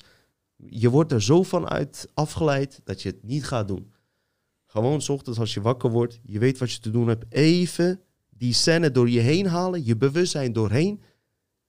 Wat er allemaal moet gebeuren en dat het gewoon goed gaat gebeuren. Ik zweer het je, dit is echt geen bullshit. Elke keer als ik dat doe, ik doe dat laatste tien dagen nu, alles gaat perfect. Ik heb dagelijks met glazen wassen, Simon kan je nou vertellen, we hebben dagelijks met 50, 60 mensen te maken. Je moet allerlei dingen moeten er anders en communicaties, er zitten confrontaties tussen en alles. Het ging veel beter nadat ik het vooruit had gepland en mijn bewustzijn door die dag heen heb gegooid. En het was ineens lekker weer. Ik begin bijna weer eh, even zwart te worden als Ersan. Het was heerlijk weer vandaag. Vonden jullie niet? Het eindigde wel verkeerd. Dus dat komt door mijn gedachten en door, door jou dat je hier naar hebt geluisterd. Blijf zo doorgaan. Ja, ik, eh, ik wilde echt van die, eh, van die regen af. En ik wilde lekker fietsen door de duinen. En eergisteren was het prachtig weer. En ik heb prachtig gefietst door de duinen. Van Wassenaar tot en met bijna Zandvoort. Dat was echt, dat was echt heerlijk. Maar het is die, die programmering wat je zegt. Heb je ook, er, weet je wel. eh, kan je herkennen wat ik net zei? Ja, zeker. Dus ook, ik heb ook dus die negativiteit gehad. Mijn vader verloren. Kutzooi, ja, kut. Heb je het toch verteld? Ja, toch verteld. Ehm andere Gecondoleerd, dingen, man. dankjewel, dankjewel. Ehm ja, weet je, zoiets, weet je, een vader, va- een vader is iemand die je vertrouwen is, weet je. Je kan, ik kan tegen jou zeggen, maar toch, ik kan tegen Ja. iemand zeggen, maar als je iets tegen je vader zegt, dan weet je, dan heb je het losgelaten en je weet van je vader, die zal jou nooit kwijt doen. Klopt. Nooit kwaad doen, nooit in de steek laten. Had je met hem meer band met, is- dan met je moeder? In dat geval? Ja, moeder, Oh, met wie had je betere va- gesprekken? Met, met, eh, met mijn vader. Eh, mijn moeder was meer emotioneel gesprek, dus meer Oh, ja. En mijn vader was meer Veroveren. eh, rationeel. Terug en- tot in het bot. Nee, nee, mijn vader Nee? was echt iemand die eh, rustig was, die gesprekken kon beheersen, die Mm. eh, eh, goede adviezen kon geven, die alles kon bagatelliseren, die... Geintjes overal van maakte. Nee, maakte- geen geintjes. Nee? Die, nee, nee, hij was echt eh, heel Maar wel serieus. positief. Hij was positief. En ook, wat is nou de ergste situatie? Is dat het ergste? Hm. Als dat het ergste is, dan is dat het ergste. Mm. Wat kan er erg zijn? En zelfs als het erg is, dan is het toch ook goed? Want het is gewoon eenmaal goed. Het gaat gewoon. Het is gewoon hoe het gaat. Mijn vader is iemand die echt verschrikkelijke dingen in zijn leven... Over programma's, hè. Die is zijn zusjes kwijtgeraakt. Ja, zijn andere zusje kwijtgeraakt. Zijn vader kwijtgeraakt. Zijn moeder kwijtgeraakt. Mm, Auto-ongelukken. Zijn broer. eh, eh, zijn- zus die in, in, in, in operatie ging... en nooit meer uit, die, nooit meer uit de narcose kwam. En dat hij mij pas vertelde na mijn operatie. Fijn omdat hij zei, alles komt toch goed. Dus hij was iemand die alles komt goed. Maar ja, weet je, dit is om hem kwijt te raken. Ja. Terwijl die kanker had gewonnen en dan toch door MRSA, weet je wel. Dus, terwijl, weet je wel, zo positief. En dan, eh, ja, dat, dat heeft me gewoon heel erg pijn gedaan. Maar het is, het is een proces van leven, hè. Heeft hij schulden? Nee. Heeft hij iets, iets, iets niet kunnen achterlaten? Nee. Heeft hij al zijn kleinkinderen gezien? Ja. Heeft hij zijn vrienden kunnen gedacht Ja. zeggen? Alles kunnen doen? Weet je, het is een proces van leven. Jij kan zijn legacy voorzetten, bro. Nou ja, precies. En, en, en, en, en, en het hoort erbij. Le- leven en doodgaan is, is, is, een, Dunne is, lijn is, ook, een, hè? is een dunne lijn. En, en je weet ook als je bij een graf staat, dan weet je ook van... ja, soms wil ik, ik wil dit, ik wil dit, ik wil dit, ik wil materialistisch. materialistisch. En soms heb ik dat ook wel eens hoor. Laat ik me ook in meegaan. Dan zeg ik, ja, maar ik wil dit. Ik wil, ik wil groter wonen. Ik wil, Mhm. Ga maar ik wil door. toch een andere zo. auto. Nee, geen probleem. Je wilt een grotere auto. En wat gebeurt er dan? Heb je alles, maar voordat je het weet, ben je dood. Je staat met twee benen op het graf. Het enige wat daarin gaat, is je lichaam.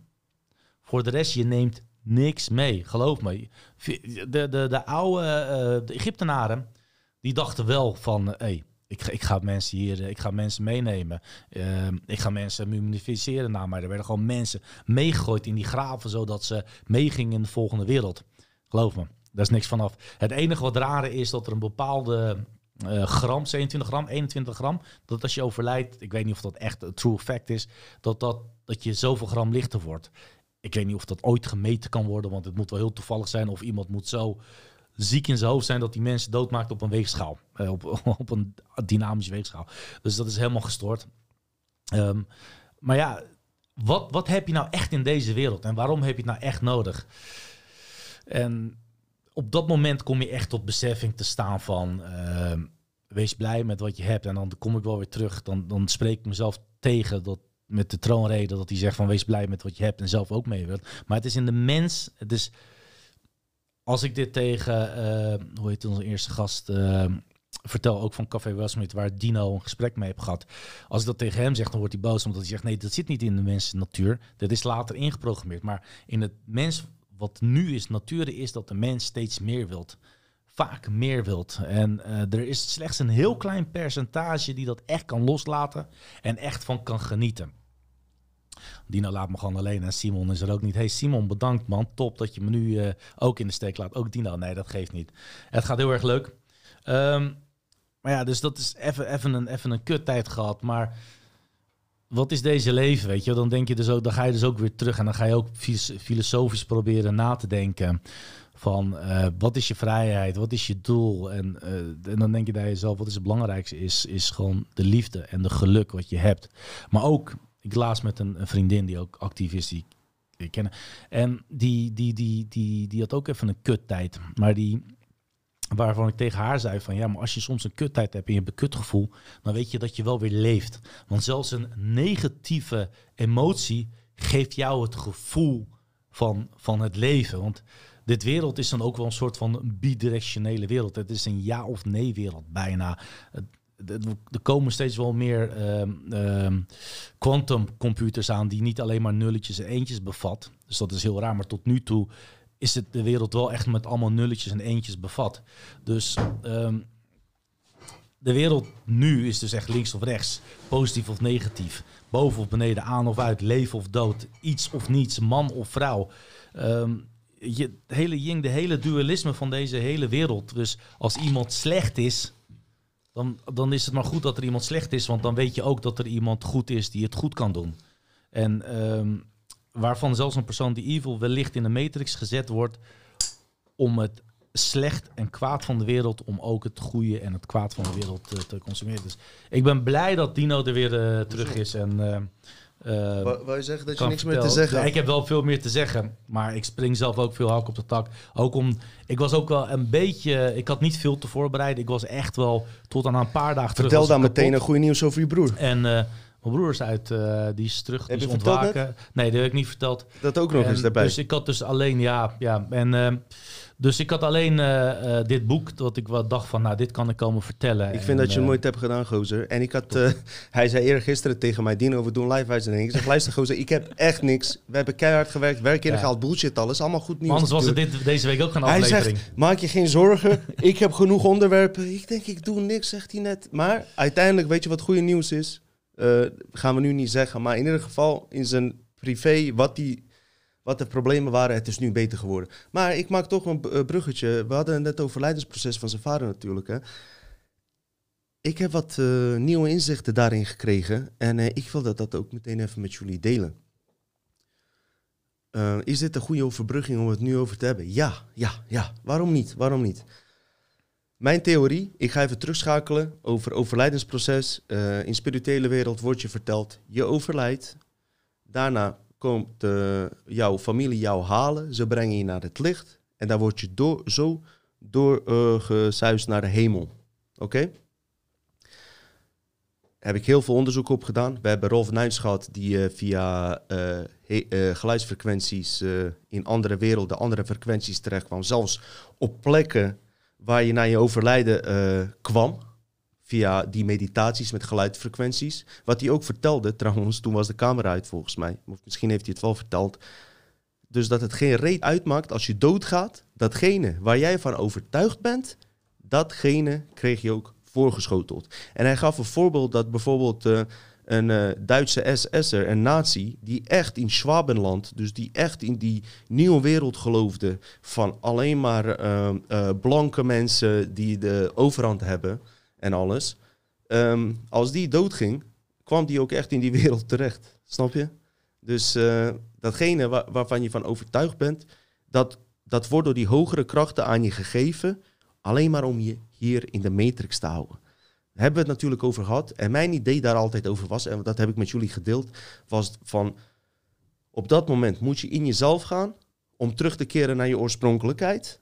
Als je dat niet doet, word je in dit uh, uh, uh, karma-systeem vastgehouden, waardoor je met nieuwe contracten weer moet incarneren. En hier is een verandering in gekomen, tenminste verandering. Ik zeg alleen iets nieuws wat ik heb ontdekt. Misschien heb je er wat aan. Ik heb geen bewijs of dit zo is of niet. Het gaat erom wat jij hierbij voelt als je dit hoort. En ik heb er een goed gevoel bij. Vooral nu. Oké, overlijdensproces. Je overlijdt. En wat er dan gebeurt, is dat je niet overlijdt. Dat dat ook maar een programma is. Wat zoiets bestaat niet. Je overlijdt alleen in dat spel, laten we zeggen. Dus je gaat dood. Maar je bent er eigenlijk nog. Voor andere mensen ben je dood. Maar je bent er. Sterker nog, je hebt je eigen lichaam bij je. En dat is een hele belangrijke factor. Die heb ik nog niet eerlijk eh, eerder gezegd. Is jouw lichaam. Jouw lichaam hier is natuurlijk hier. Maar daar is die er ook nog steeds. Jouw lichaam. En waarom is die lichaam belangrijk? Is om het volgende. Al hetgene wat je hier hebt meegemaakt. En wat van zeer, zeer van belang is. Staat opgeslagen in cellen van jouw lichaam. Ja?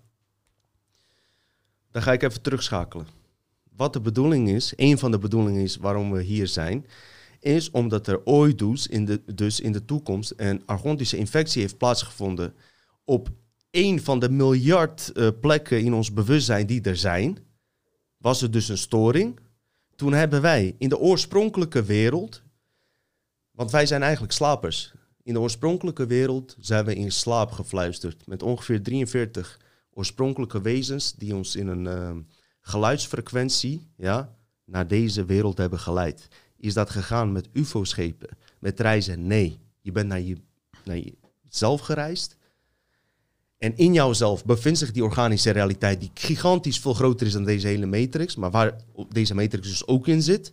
En daar ben je naartoe gereisd en ben je geboren. En een van de taken is, is dus het ondervinden waar zich die argontische infectie plaatsvindt. Nou kun je meteen terugkoppelen aan vorige aflevering, dat we steeds meer in die artificiële uh, werelden worden gezet. Dat is belangrijk om waar te nemen. Alleen om waar te nemen. Je hoeft niet te vechten, je hoeft niks te doen. Alleen om waar te nemen waar die infectie zich heeft plaatsgevonden. Waarom kwantumfysica zegt, hetgene wat de mens waarneemt, brengt het in balans. Zo simpel is het. Je hoeft er niet tegen te vechten, je hoeft er niks tegen te doen. Eén van de opdrachten, hè? Want er lopen nog 80 verhalen doorheen. Ik ga weer van één kant uit. Nou, wat is het verhaal? Op het moment dat je overlijdt, zitten al jouw uh, uh, software, wat je hebt meegemaakt, zit in jouw lichaam. Argontische krachten gaan jou, als jij dood bent, extern proberen te verleiden door uh, jouw hersenen af te lezen, kijken waarvan jij overtuigd was in dit leven. Hè? ben je katholiek, ben je moslim, ben je christen? komen figuren tevoorschijn. Ben jij, geloof je niet in God, kom, komen gewoon mensen tevoorschijn waar je veel om geeft, die jou naar het licht leiden. Op het moment dat je naar het licht geleid wordt, ja, dan ga je buiten je bewustzijn en buiten je lichaam. Dan zit je lichaam niet meer in je bewustzijn. En dan kunnen die krachten, die informatie die jij hebt opgemaakt in dit leven, bij zichzelf installeren. En kan je het niet mee terugnemen naar hetgene waar je eigenlijk geboren bent. Oké? Dat is hun doel. Wat wij dienen te doen, ik zeg altijd blijf bij je hart, maar blijf vooral ook dus ook in je lichaam. Ja? Blijf in je lichaam, blijf bij je hart. En wat gebeurt er? Dit is echt heel goed nieuws. Want ik heb met mijn ouders hier ook gesprek over gehad. Want die begrijpen er natuurlijk ook geen reet van. Je moet begrijpen dat ik meteen naar mijn ouders ben gegaan en gezegd van... Ga niet naar het fucking licht. Ja, toch? Dat begrijp je, hè? Dat je dat dan gaat zeggen. Ja, dat is een, een Star Trek aflevering ook. Bring Closer to the Light. Dat dat, dat Captain Janeway ook naar het licht probeert te halen, terwijl het eigenlijk een, een duivelspersoon is, wow. een andere wezen. Zie je dat daar ook? In Star Trek, ja zeker. Wow. Star Trek zie je heel veel. Star Trek, Babylon 5 en Star Trek mensen. Dus, Oké. Ja. Aangezien jou, uh, hè, wat je net vertelde met je vader, ik, ik kan me voorstellen dat je je daar ook dan mee bezighoudt. Wat ik alleen bij wilde toevoegen, wat ik nu heb ontdekt, en ga, de, ga er niet vanuit dat dit waar is. Ik kan dit niet uh, bewijzen. Voel het voor jezelf na als een optie die ik trouw, trouwens heel uh, zeer serieus neem, is het volgende. In allerslechtste geval, als jij dus door het licht wordt meegenomen, je ontwaakt alsnog in je oorspronkelijke werkelijkheid. Dat is een hele goed nieuws. Daarvoor dacht ik dat je dan in een karmisch proces terug naar dit leven wordt gestuurd. Snap je? Van dat ze een uh, afspraak met je maken, je moet nog wat uh, goed maken. En dan moet je nog een nieuw leven leiden. Zo zit het dus niet in elkaar. Je gaat altijd terug naar het moment waar je bent ingelogd, waar je die bril op hebt gedaan of waar, jou, waar je in slaap bent gegaan om naar dit moment te reizen. Alleen één ding, als je door extern licht wordt meegenomen, vergeet je alles wat je in dit leven hebt meegemaakt. En daarvoor kwam je juist. Kan je hem volgen? Lastig, maar ja. Oké, het komt erop neer. Je bent hier met doel om erachter te komen uh, waardoor wij uh, zeg maar niet meer 100%, waardoor er iets stoort ergens in ons lichaam, zijn we naar deze tijdlijn gegaan om dat te vinden. Dat, daar zijn we nu achter gekomen. Stel je voor, we weten het nu, je gaat dood en je valt toch in die trap van uh, externe Jezus of welke geloofsovertuiging Dat wilde ik dus net zeggen, want in heel veel geloven wordt verteld dat je wordt beoordeeld. Beoordeeld, door wie? Ja, door wie? Christenen door Petrus, geloof ik, die staat aan de poort. Uh, en, maar... de islam is het Allah. Uh, ja. uh, En uh, Jodendom weet ik het niet. Volgens mij is dat ook Abraham of, of de, de, hun God zelf. Oké.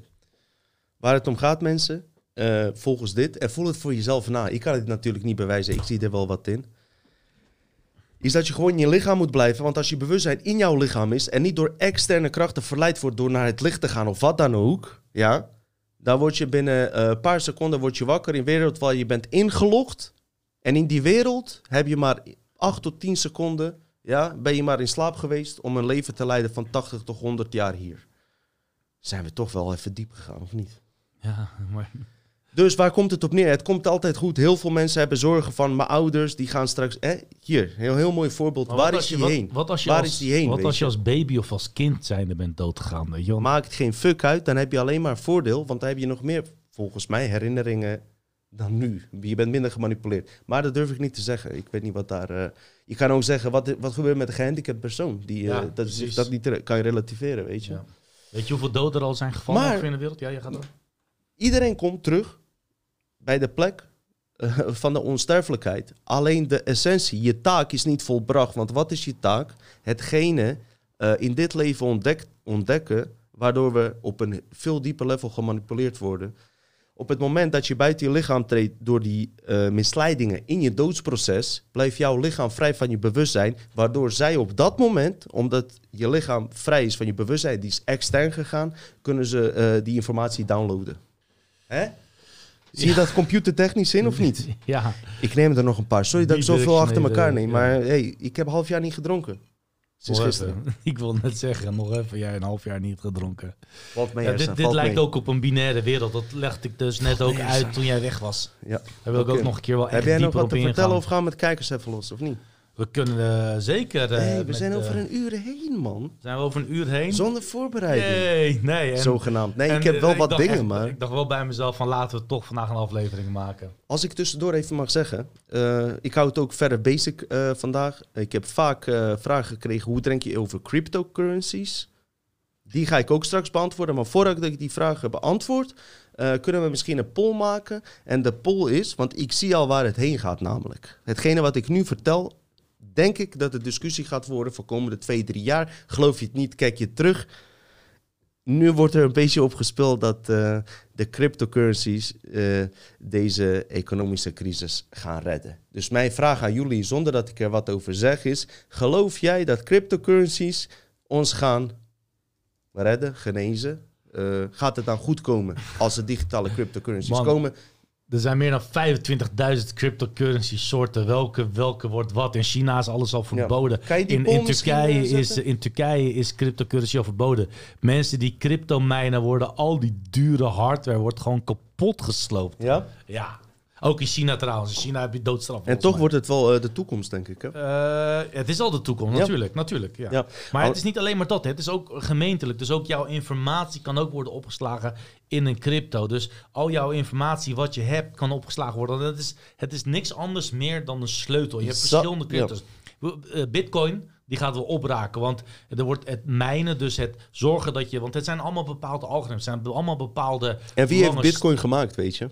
Ja, die, die gast, dat weet je niet. Je, het is niet zeker wie zeker is. Nee. Je kan die Japanners, maar het is niet zeker, want diegene is of dood of kwijt of wat dan ook. Of, eh, of die wil het nooit komen. Maar het, zijn, het is een, een, Weer een iemand, bepaalde rekensom die wordt gemaakt, die je met een computer moet maken. En die steeds moeilijker wordt om te kunnen maken, omdat de gemakkelijke al snel erop zijn. Maar op een gegeven moment raakt die string op. Dus dan wordt de bitcoin misschien wel, eh, laten we zeggen, 100.000 euro per bitcoin. Maar om het te kopen en te verkopen gaat je waarschijnlijk meer geld kosten dan dat het je oplevert. Zal, zal ik je mijn, en dat eh, is met Ethereum wordt dat anders. Ja, dan gaan we... zal ik mijn romantisch verhaal vertellen Ja, met Bitcoin? ja, ja. Eh, Even iets heel anders, misschien leuk om voor jullie om te horen. Ik geef er 3,5 minuten aan. Ik vind het eigenlijk verder helemaal geen reet aan waard. Dus het is niet zo dat ik eh, cryptocurrencies haat. Sterker nog, ik heb er nog steeds geld in zitten, oké? Maar, eh, dus dat mensen weten dat ik geen hater ben voor degene die de doekoe mee hebben gemaakt. Ik heb het ook eh, niet echt veel gemaakt, maar... ik zeg verder niks, maar... Hij, hij heeft, ik heb er ook wat heel veel geld kunnen maken, maar was niet op Oké, tijd. dan ga ik nu helemaal eerlijk. sorry. Luister, ik ga je vertellen wat er was gebeurd, ja? Ik heb er nog steeds wat in zitten. 2013, 14 ontdekte ik bitcoin bij 40 euro. Ersan, 40 euro. Was zelfs op het nieuws, kun je zo terugkijken. Bitcoin, ik zat met een vriend van mij. Wat de fuck is dat bitcoin? Waarom vragen ze daar 40 euro voor? En eh, nou, eh, we waren benieuwd en zo. En op een gegeven moment, een week later, begon die 60 euro te worden, 75 euro, 80 euro. 100 euro binnen twee, drie weken. Ik dacht, what the fuck? Want eh, dit ding verdubbelt bijna, gaat bijna over zijn kop in zo'n korte tijd. En bij 110 euro besloot ik het te gaan kopen. In die tijd kon je het gewoon kopen zonder problemen, zonder je legitimatie te laten zien. Al die bullshit bij BTC Direct. Ik heb trouwens nog steeds daar een account zonder mijn gegevens en alles gemaakt, verder niet uit. Ik koop toen 5 bitcoins en binnen een maand had ik 15.000 euro gepakt. Ik had ook Litecoin gekocht. Litecoin was toen anderhalf euro. Ik ga hier snel doorheen voor mensen Ja, die heel niet snel, weten waar ik over snel, ja. verhaal kort te maken. ehm, je moet ook begrijpen dat eh, de bankwezen over deze wereld heerst. En hun business wordt afgepakt. En dat had ik toen eigenlijk ook al door. Want ik was toen ook al met deze onderwerp bezig. Bam, ze gooien een paar haatcampagnes doorheen. Alles ging naar de kloten. Ik had uiteindelijk 10, 10 bitcoins. Ja, had ik. 10 bitcoins, toen was het waarde 12.000 euro. Dus 400.000 euro. zo. 120 euro per bitcoin was het toen. 12.000 euro was het waard. Toen hadden ze in China een of andere hack was er. Van eh, ook dat eh, eh, bedrijf waar ik in hè, belegde en alles. Alles ging naar de klote. Ik kon net mijn geld eruit halen. Dat wil ik erover kwijt. Dat je weet dat ik geen hater ben voor degene die hebben geïnvesteerd. Ik heb er ook nog geld in zitten. Alles was naar, wa- was naar de klote gegaan. Eh, wat ik erover wil zeggen, want de vraag is, hoe denk je over bitcoins? Ik denk wel dat je er doekoe wel mee kan maken, maar niemand weet wie dat gaat worden. Je ziet bij XRP, hebben, ze hebben een prachtig product. Ik heb daar niet in geïnvesteerd, oh jawel. Eh, en eh, ik wil je niet misleiden waar je in gaat, maar XRP wordt genaaid. Dat is waar ik in heb ingevesteerd, zou ik je niet eens aanraden. Ze worden nu genaaid omdat het product te goed is. Hè? Het gaat te snel, transacties gaan te goed. Ze worden aan alle kanten genaaid, worden rechtszaken gevoerd om het niet door te laten gaan. Dus niemand weet wie de leidende rol zal hebben. Het is net als internet van jaren 2000. Toen was Google ook niet zo bekend als nu. Toen had je ook Yahoo. Amazon had een eigen zoekterm. Noem dus- maar op. Uiteindelijk is Google eh, de baas geworden over zoektermen. En de vraag is nu, wie wordt de baas van cryptocurrency? En zeker zijn er kijkers die er Ja, heel veel verstand van ja, hebben. ja, die nu gaan neerzetten. Ja, dit en dat. Het is en zo. Dit is en zo. Ik heb er geen reet schelen. mensen. Maar- wordt de beste. Ik wil alleen zeggen, ik ben geen hater. Je kan er zeker doeken. Als je al gokt, ga niet naar casino. Ga liever eh, daarin investeren. Oh ja, zeker.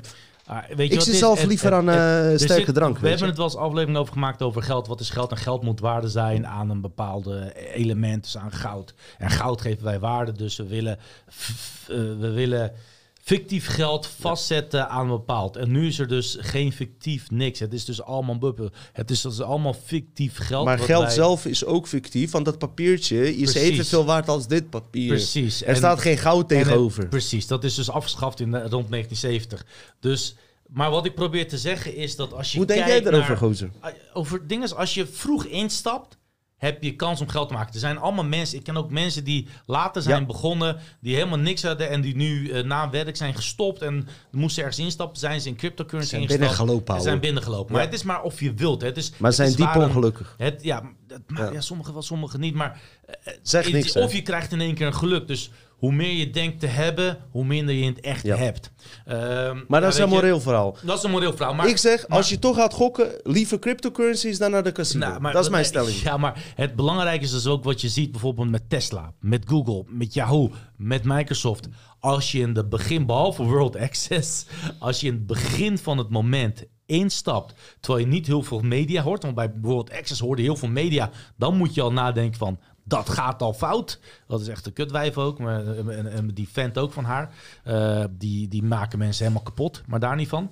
Ehm, later is ook in de Europese Unie gegaan. Hebben ze het wel op zich oké gedaan.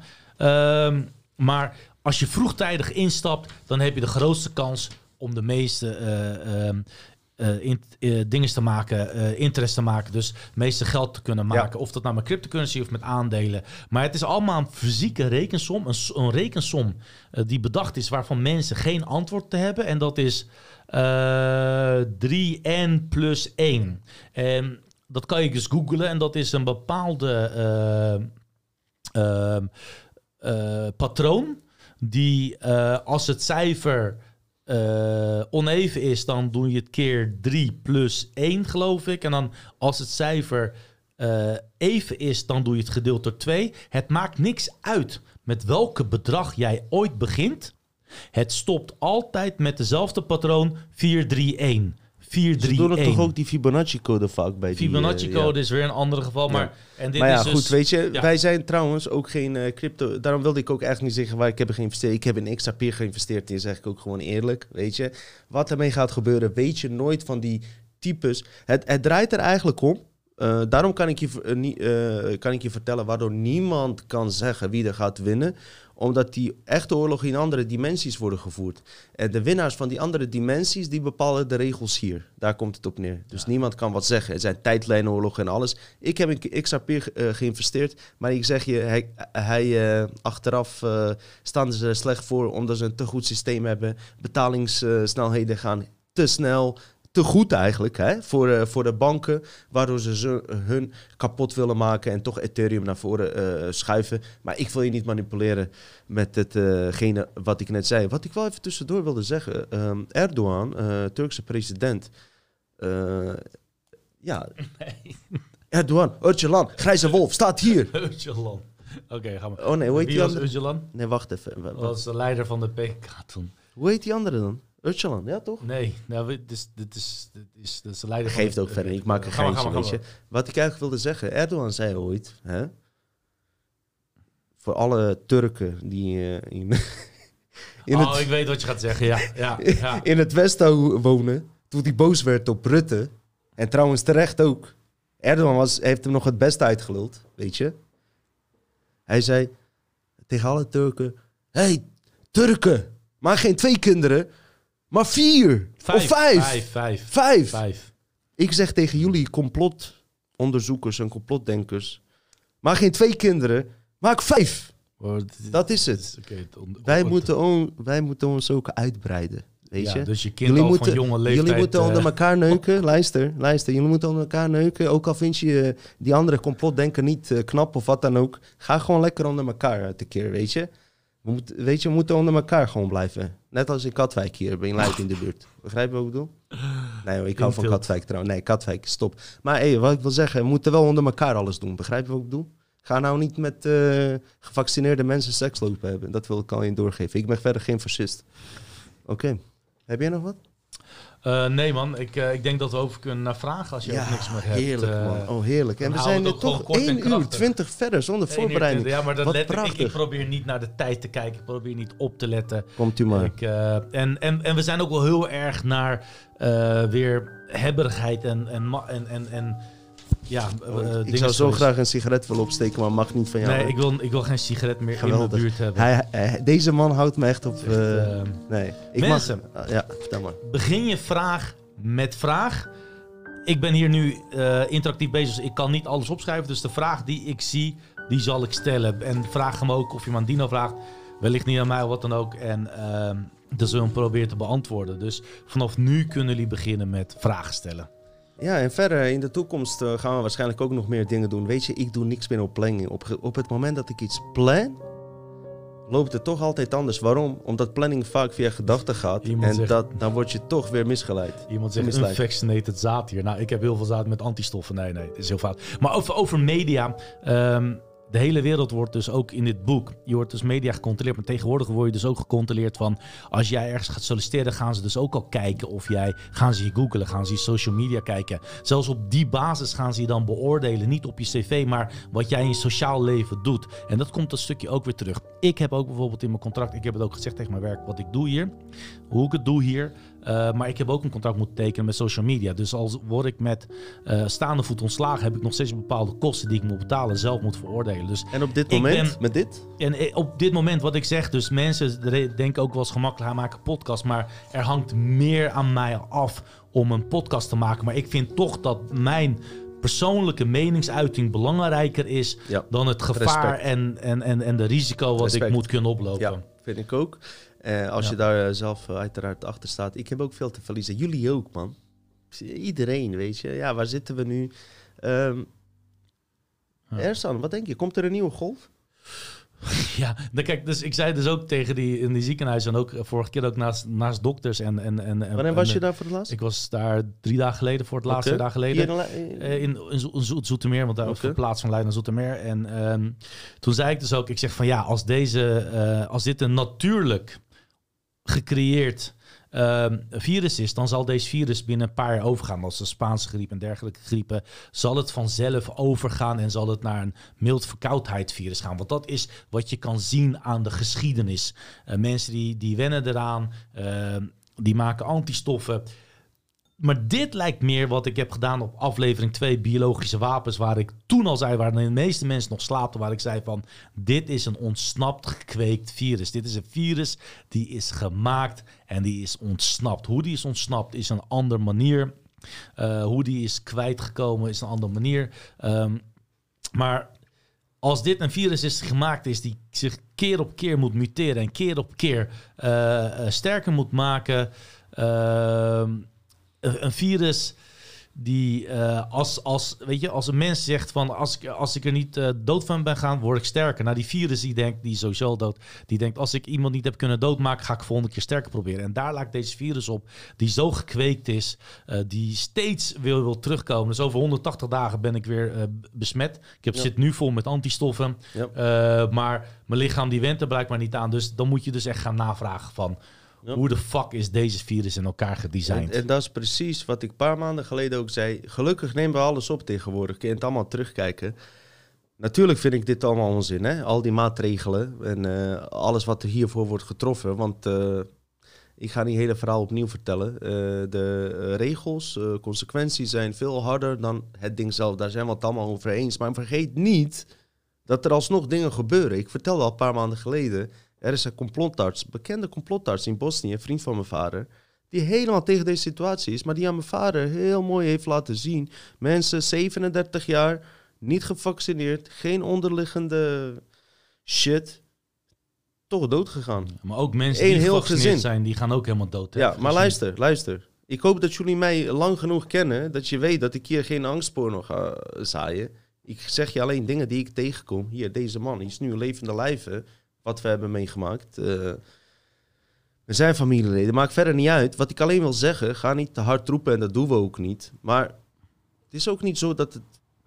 Het is een... eh, Oké, ik geef je nog een voorbeeld. Ik heb een neef hier, dus niet die uit Roermond, die uit Leiden. Grote gast, ja, echt een beest van een gast. Eh, houdt zich verder helemaal... hij, neukt alleen maar wijven. Verder houdt zich nergens mee bezig. En nou ja, moet hij zelf weten. Covid komt. Hij wordt doodziek. Hij komt naar mij toe. Hij zegt, Dino, ik weet, jij gelooft in die shit niet, dit en dat. Hij zegt, ik ben kapot gegaan.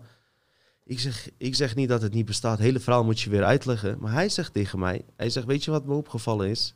Ik ben op een andere manier ziek geworden. Hij was kapot gegaan, hè? echt een beest van een gast.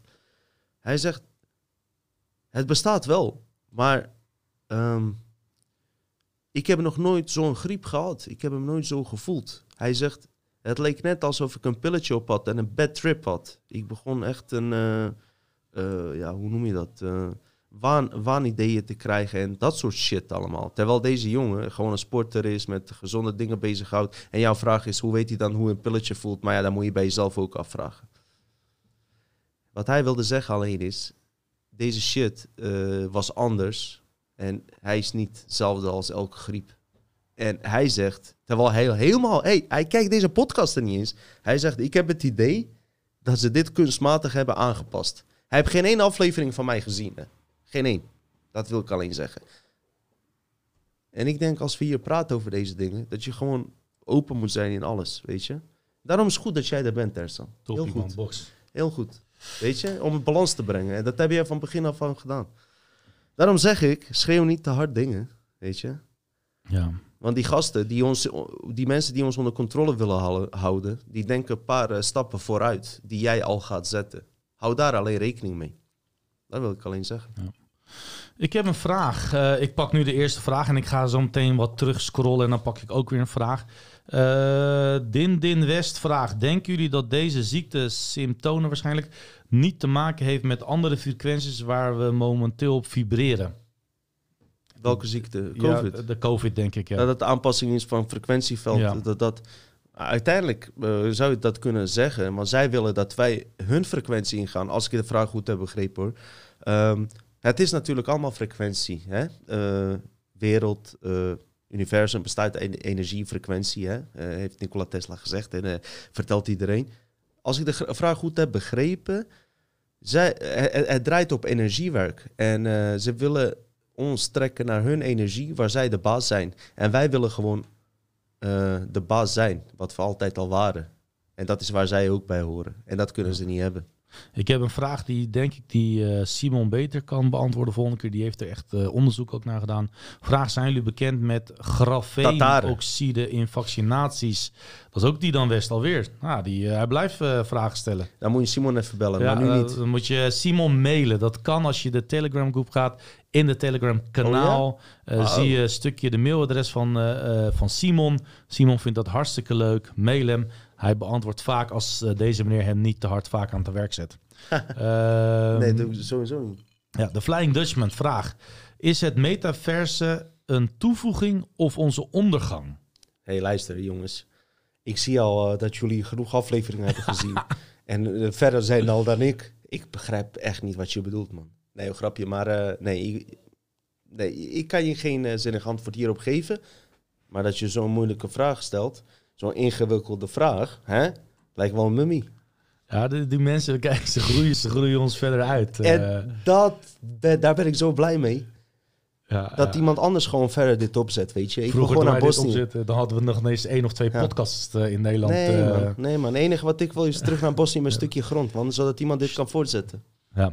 Iemand zegt hier... En uitkering uit Nederland. Ehm Haozel zegt, vroeger kleurde de zon geel, tegenwoordig meer wit. Hoe kijken jullie er tegenover? Mm. Ik heb geen idee. Ik, Vraag hem eens even of die... eh, Ja, of wat op heb. Wacht even. Nee. Ja, nee, dat klopt wel. Kijk die naar me. Ik, ik heb dat toevallig Martijn van Staveren ook horen zeggen, weet je. Ik weet niet of hij dat ook van hem heeft. Ik hoorde voor het eerst van Martijn van Staveren. Hij zegt, ik heb van uh, kleins af aan... eh, hield ik eh, sterren en zon in de gaten. Had hij speciale meetapparatuur daarvoor en zo. En hij zei toen... De zon nu is veel synthetischer, dus witter. Vroeger was die veel geler. En toen hij dat zei, dacht ik van... Ja, klopt. Klopt. Als je nu naar de zon kijkt, Is is, dat meer door veel witter Ja, dan geler. Kan dat komen door het vervuiling van de ozonlaag bijvoorbeeld? die bepaalt nee, de ik- kleur. en, en dat zijn weer eindeloze Ja, discussies. goed, goed, maar ja. ik vind het een fucking goede vraag. Mijn vraag Ja. terug is: eh, heb je dat van Martijn of heb je dat zelf bedacht? En, Nou, eh, en allebei is goed hoor. Ik ga zo Allebei is weer goed terug hoor. naar beneden scrollen. Hey, Eh, ik ben hetero, weet je. Goldberg Plus, vraag. Als buitenlanders wat in drinken, Nederland... Wat zijn de... Hey. Nee, nee, nee. Ik, ik ga niet meer roken. Ik ga, Ik ga wel meer drinken. in-. Ja, nee, doe maar een frisje voor mij. Dat eh, komt wel goed. Moet je Eh, heroïne? wat, nee. Wat zijn de drie grootste lessen die jullie geleerd hebben tot op het moment? Buitenland, jongens. Ik ben hier 41. Mijn vader kwam hier al in 1960. Mijn opa was hier al. Ik ben hier geboren, opgegroeid. Ik weet niet, voel jij, eh, heb jij hier iets geleerd?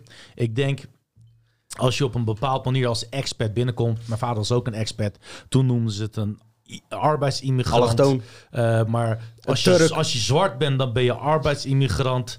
En als je blank bent, dan Ben ben je je expat. expat. Maar eh, Mooi gezegd. Eigenlijk waren het gewoon eh, ja, Ehm, experts. nou goed, ik ga dus eh, niet verder. Ik wilde Nee, alleen nee, nee, maar ik, ik vind dat je goed hebt gezegd. Weet je wat ik ook vind trouwens? Ik ben niet Ja, goed in wanneer- dit vak thuis. Maar Turken en? Marokkanen hebben wel dit, dit, dit land ook opgebouwd. Anders hadden ze, anders hadden ze ze nooit naar binnen gehaald. En de Indonesiërs. Echt serieus. die, Indonesiërs. Surinamers waren lui, hoorde ik, maar die hebben ze aan de andere kant hebben ze geflasht, Surinamers. Weet je hoeveel Surinamers er wonen in Suriname? Nou? Eh, een half miljoen of zo, een miljoen of zo. Ja. Zoiets. eh, de, hoeveel, hoeveel, hoeveel groter dan Nederland. Maar meestal is Rimble en Jungle. Vind ik super, Dus als- super vrolijke mensen. ja, volgens mij als je Antillianen, kijkt, eh, als je, Surinamers, als je kijkt naar. Amsterdam Zuidoost, heb je meer. Surinamers. Geen één Nederlander. Geweldig, Suriname. geweldig. Ja, ja, ja. Dus, Nee, maar nou ja, weet je, Ersan, eh, Ja. Even een vraag aan jou. Hè. Ja. Een nieuwe generatie Turken, wat ik wel merk, je bedoelt derde, wel- vierde generatie Turks jongeren? nou, zeg maar jouw zoontje en zo. mijn Merk mijn je- maar we gaan wel heel veel over mijn familie vandaag. Nee, eh, we gaan niet over zijn familie. Hij heeft een kind van 18, mag ik even... vertellen? 19. Ja. ik ben Ehm, zelf nog 30. Dat wilde ik zeggen. Maar als ik bij jou ben, hè, eens, ik eh, merk bij die nieuwste generatie werkelijk waar geen verschil. Ze zijn allemaal onder mind control. Ja, maar ze, ik heb ze ook wel laten opgroeien in een mediawereld. Ook eentje waar ik zelf ook in slaapte. Dus dat eh, als ik dan zag dat ouders geen media aan hun kinderen, geen tv wilden laten zien, dacht ik van doe normaal, laat even gaan. Maar ondertussen snap ik het wel. En de meeste kinderen die. Ik, ik ben hier nu verslaafd aan, Mhm. maar kinderen weten niet anders beter. Je kan tegenwoordig je Bart Smit niet meer inlopen om een cadeau te kopen, omdat je niet weet wat je een kind wil geven. Ja. Want elk Liefde. kind die wil alleen maar een tablet. Vroeger wilde een kind een afstandsbediening, drukte hij de knop van de tv het aan en uit. Dat is allemaal over. Iedereen wil een smartphone, een tablet of een laptop. Maar elk ma- kind. ma- mag ik even vragen, hoe zit zo'n... Ja, nou ga ik weer misschien te privé. Nou, maar niet, niet van jou Stel uit. hem even globaal, ja, niet van mij Niet uit. van jou uit. Eh, hoe denk jij dat in de moderne wereld een dag eruit ziet? Ehm, eh, man heeft keihard gewerkt. Eh, vrouw heeft ook gewerkt, want hypotheek moet ook betaald worden. Dus vrouw moet ook werken. Kinderen zijn naar school geweest, ze komen thuis. Hoe ziet zo'n dag eruit dan tegenwoordig? Daar ben ik heel benieuwd naar. Ja, Ik ben heel ja, oldschool, ik, Kijk, ik, ik kom wel uit een wijk waar zeg maar... Die mannen ehm, wonen in een dik huis, hè, zou je niet nee, zeggen. wacht, wacht, wacht, wacht. Die gas wordt We tussen kakkers, ik, hè? Ja, ik, ik, Hey. ik ken dus ook families ook. Hij wordt buren betaald door IVD, hè? dokters zijn die allebei dokters zijn. Ja. De meeste hebben au. Die kinderen die krijgen de meeste liefde van die au. Die worden heen en weer gebracht, naar judo gebracht, uh, naar hockey gebracht. Uh, en dan hebben ze één dag vaak wel eens in de week dat ze proberen. Maar ze proberen ook te excelleren. Dus één van de twee van de ouders, die blijft dan een standaard basis. Oké, hoe ziet het eruit daar dan, in dat saaie gezin? Ja, dit, het, het, is, het, is, het is een bepaald liefde dat op hun manier wordt gevoerd en op hun manier wordt gegeven. En hè, je kan niet zeggen dat het minder is dan ons, weet je. Wij kunnen wel pakken, ah, die kind schudden, dat maar, soort uh, dingen. Ze, ze, hebben geen seks met elkaar. Wangen knijp, vrouw en man? Nee, die kinderen en man. Nee, man. Nee, toch? Nee, dat is vies. Nee, nee, maar het is wel wel uh, dat je zegt van uh, normaal. Uh, ja, dit is, er is een bepaalde, maar die kinderen worden dus ook wel wat meer rustiger opgevoed. Ja. Die kinderen ja. worden wat meer in, een, uh, in een proceswijze, dus heel veel structureel opgevoed. En ehm, je kan niet zeggen dat hun... ehm, dat er alles er is is. meer nuchterheid en je kan niet zeggen van jullie geven minder liefde dan ons of wat ja. dan ook. Het is, het is een gevoel dat voor iedereen anders en, is. En onderling wij en, ook hebben ook verschillen misschien met opvoeden en ja, alles. precies. Zullen we naar die kijkersvragen ja, gaan? Vraag. Sorry, sorry, wat dachten jullie van een aflevering van Hollywood on Masker, een Nederlandse editie van de huidige en oude wow. tv-films Hollywood, ook gericht op kinderen? Nou, die moet wow. je nog maar doen, ja. Ja, goed idee. Dus... Ik moet alleen een paar voorbeelden vinden. Ik heb altijd al gedacht dat kinderen voor kinderen, en ik heb altijd gezegd, Paul de Leeuw, hè? Oh nee, ik zou niet meer de individueel targeting doen. Laat maar oh, vraag. Ik heb een vraag van Esmeralda van Mal. Ik heb jou gemist, meid. Hey, leuk, een tijdje niet gesproken, maar ik ga jouw vraag zeker Telegram is onderling. Uh, weet je? Ja. Mijn vraag aan Dino gaat vandaag zijn: wanneer is, wan, uh, zijn is, wanneer denk je dat wij in het kwantumsysteem gaan komen, of zijn wij de quantumcomputers zelf? Mm. Dat komt altijd met diepe vragen. Vorige keer ook al een hele wow, diepe. Wauw, wauw, wauw, wauw, wauw, wauw. Naar aanleiding van die laatste aflevering, waar ging het over? Quantumcomputers. Dat we steeds dieper van onszelf uitraken. Dat is het uh, basisverhaal erachter. Je moet je ezelsbruggetje kunnen vinden. Uh, je wordt steeds meer uit jouw eigen lichaam ge gestuurd door een externe intelligentie die het voor jou allemaal gaat regelen. Daar komt het op neer. Zelfs bij die overlijdensproces wat je net hoorde, wil je nog uit je lichaam hebben. Op, op dat moment, die codes en herinneringscodes in, die in jouw lichaam zitten opgeslagen. Dus je uh, harde schijf van je computer, dat ze dat kunnen uitlezen voor hun eigen doelen. Zoals jouw leven in een andere mans lichaam stoppen voor valse vorige levens. Wat sommige mensen nog steeds niet aankunnen, 99%. Maar maakt verder niet uit. Wat was de vraag eigenlijk? ik weet het even nog een keer, sorry. Ik, heb, ik, was, ik was al bij de andere vraag. Wa dus ik moet even uh, wanneer we bij quantumcomputers? Ja, dus wanneer, dat is, is uh, wanneer, waren, wanneer zijn wij zelf de quantumcomputers of worden we overgenomen ja, door quantumcomputers? En, en wij zitten dus net in die transformatieproces. En wat ik ervan heb, trouwens alles wat ik vertel, is, wat, is mijn conclusie uit onderzoek die ik zelf voer. Ik heb geen bewijs daarvoor. Ik vertel alleen wat ik tegenkom. Omdat we in deze tijd nu zitten dat de techniek zodanig ver is. Dat jouw vraag nu gaande is, dus. Dat we naar die kwantumcomputers worden gestuurd. Daarom zijn we nu hier om hierover te hebben. Om ons bewustzijn doorheen te gooien. En te zorgen. Niet per se dat het niet gebeurt. Maar dat we daar bewust bij aanwezig zijn. En daar invloed op hebben. Want je menselijke brein is zo sterk. Dat die alleen maar aanwezig hoeft te zijn op een bepaald moment. Zo sterk ben je. Je hoeft alleen maar aanwezig te zijn. Je hoeft je niet tegen te verweren. Je hoeft je niet tegen te vechten. Maar ook niet achterover liggen en niks doen. Want dan word je weer door een spiritueel programma meegenomen. Je moet aandachtig aanwezig zijn in je moment. Wat ik net zei, bij het opstaan al, ja, als je je uh, been uit bed zet, dat je het zelf doet en niet uit automatisme. Nou, Nadine, ik, ik bedoel, Esmeralda, ik hoop dat je vraag is beantwoord en geef Nadine een dikke knuffel van mij. Uh, Doen jullie verder nog dingen? CentTX. CentTX. Uh, zou, Ed Erstan, zouden jullie voor de, Goeie vijf, vraag, voor de vijfde, voor 5 november, ja, dat is een hele goede. Hele goede vraag hoor, Esmeralda. CentTX, Ed Erstan, zouden jullie voor de 5 november waarschijnlijk een Sinterklaas-aflevering willen maken? Ja, Satan Klaus. Uh, Satan Klaus, ja. ja. Ik heb er al een keer een klein stukje ja, over verteld. We hebben, in, we, we uh, hebben toen al... Uh, maar luister, het lijkt me wel leuk om alsnog te maken. Ik zal je zeggen, het is het zo niet waard dat we het misschien alsnog moeten doen. Weet je waarom? Prachtig. Het ik, weet wie zwart, wie, ik weet wie echt de Zwarte Piet is. Het is helemaal niemand uit Antillen. Het, het heeft niks met ras en kleur te maken. Het is Black Pete. Black Pete. Dat heeft te maken met een uh, vikinggod die gewoon een duivel bij zich had, die Black Pete heette. Dat was een duivel, want je weet het, hè, van die Oostenrijkse... Kijk maar naar Oostenrijkse Sinterklaas. Lopen geen zwartomen mee, maar duivels. En eh, daar draait het om. Het heeft niks te maken met donkere mensen. En ik denk, als ik... Ik weet niet of het waard is om dit überhaupt hier een aflevering over te maken. Maar als we dat zouden doen... Maar wie schenkt ons aandacht om hier wat mee te doen? Dat schiet toch niet voor de agenda. Maar voor degenen die er wel geïnteresseerd naar zijn, want die fucking discussie gaat nu wel komen. En daar moeten we gewoon komisch om liggen. Die Black Pete is de. eh, een eh, hulpje van de duivel. Heeft niks met etnische achtergrond te maken. Ja, sorry. Ja, sorry. Het is goed nieuws. Het is fucking goed nieuws eigenlijk. Maar denk maar niet dat dit dat het bereikt. Want Wil- Wilfred Gené, die eh, neukt allemaal wijven. En eh, als ze behaard zijn, heeft hij een lady shift zich. Heb je dat gehoord? Nee.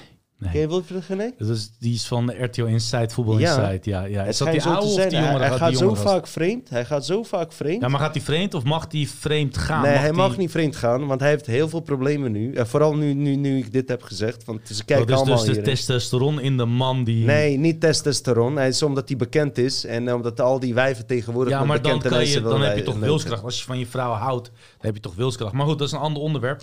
Twee andere vragen. Eentje In ieder geval, Oh ja. Over die Wilfred Gené, eh, al- als een vrouw dus. Hij komt daaraan, hij wil vreemd gaan en ze is behaard. Heeft hij echt werkelijk waar, heeft hij een eh, lady shave bij zich. In zijn auto, standaard. Geeft hij aan haar om zich te scheren. Gaat hij een rondje rijden, totdat ze geschoren is. En dan gaat hij eh, aan de slag. Maar tegen wilde concept zegt Wilfred geen nee.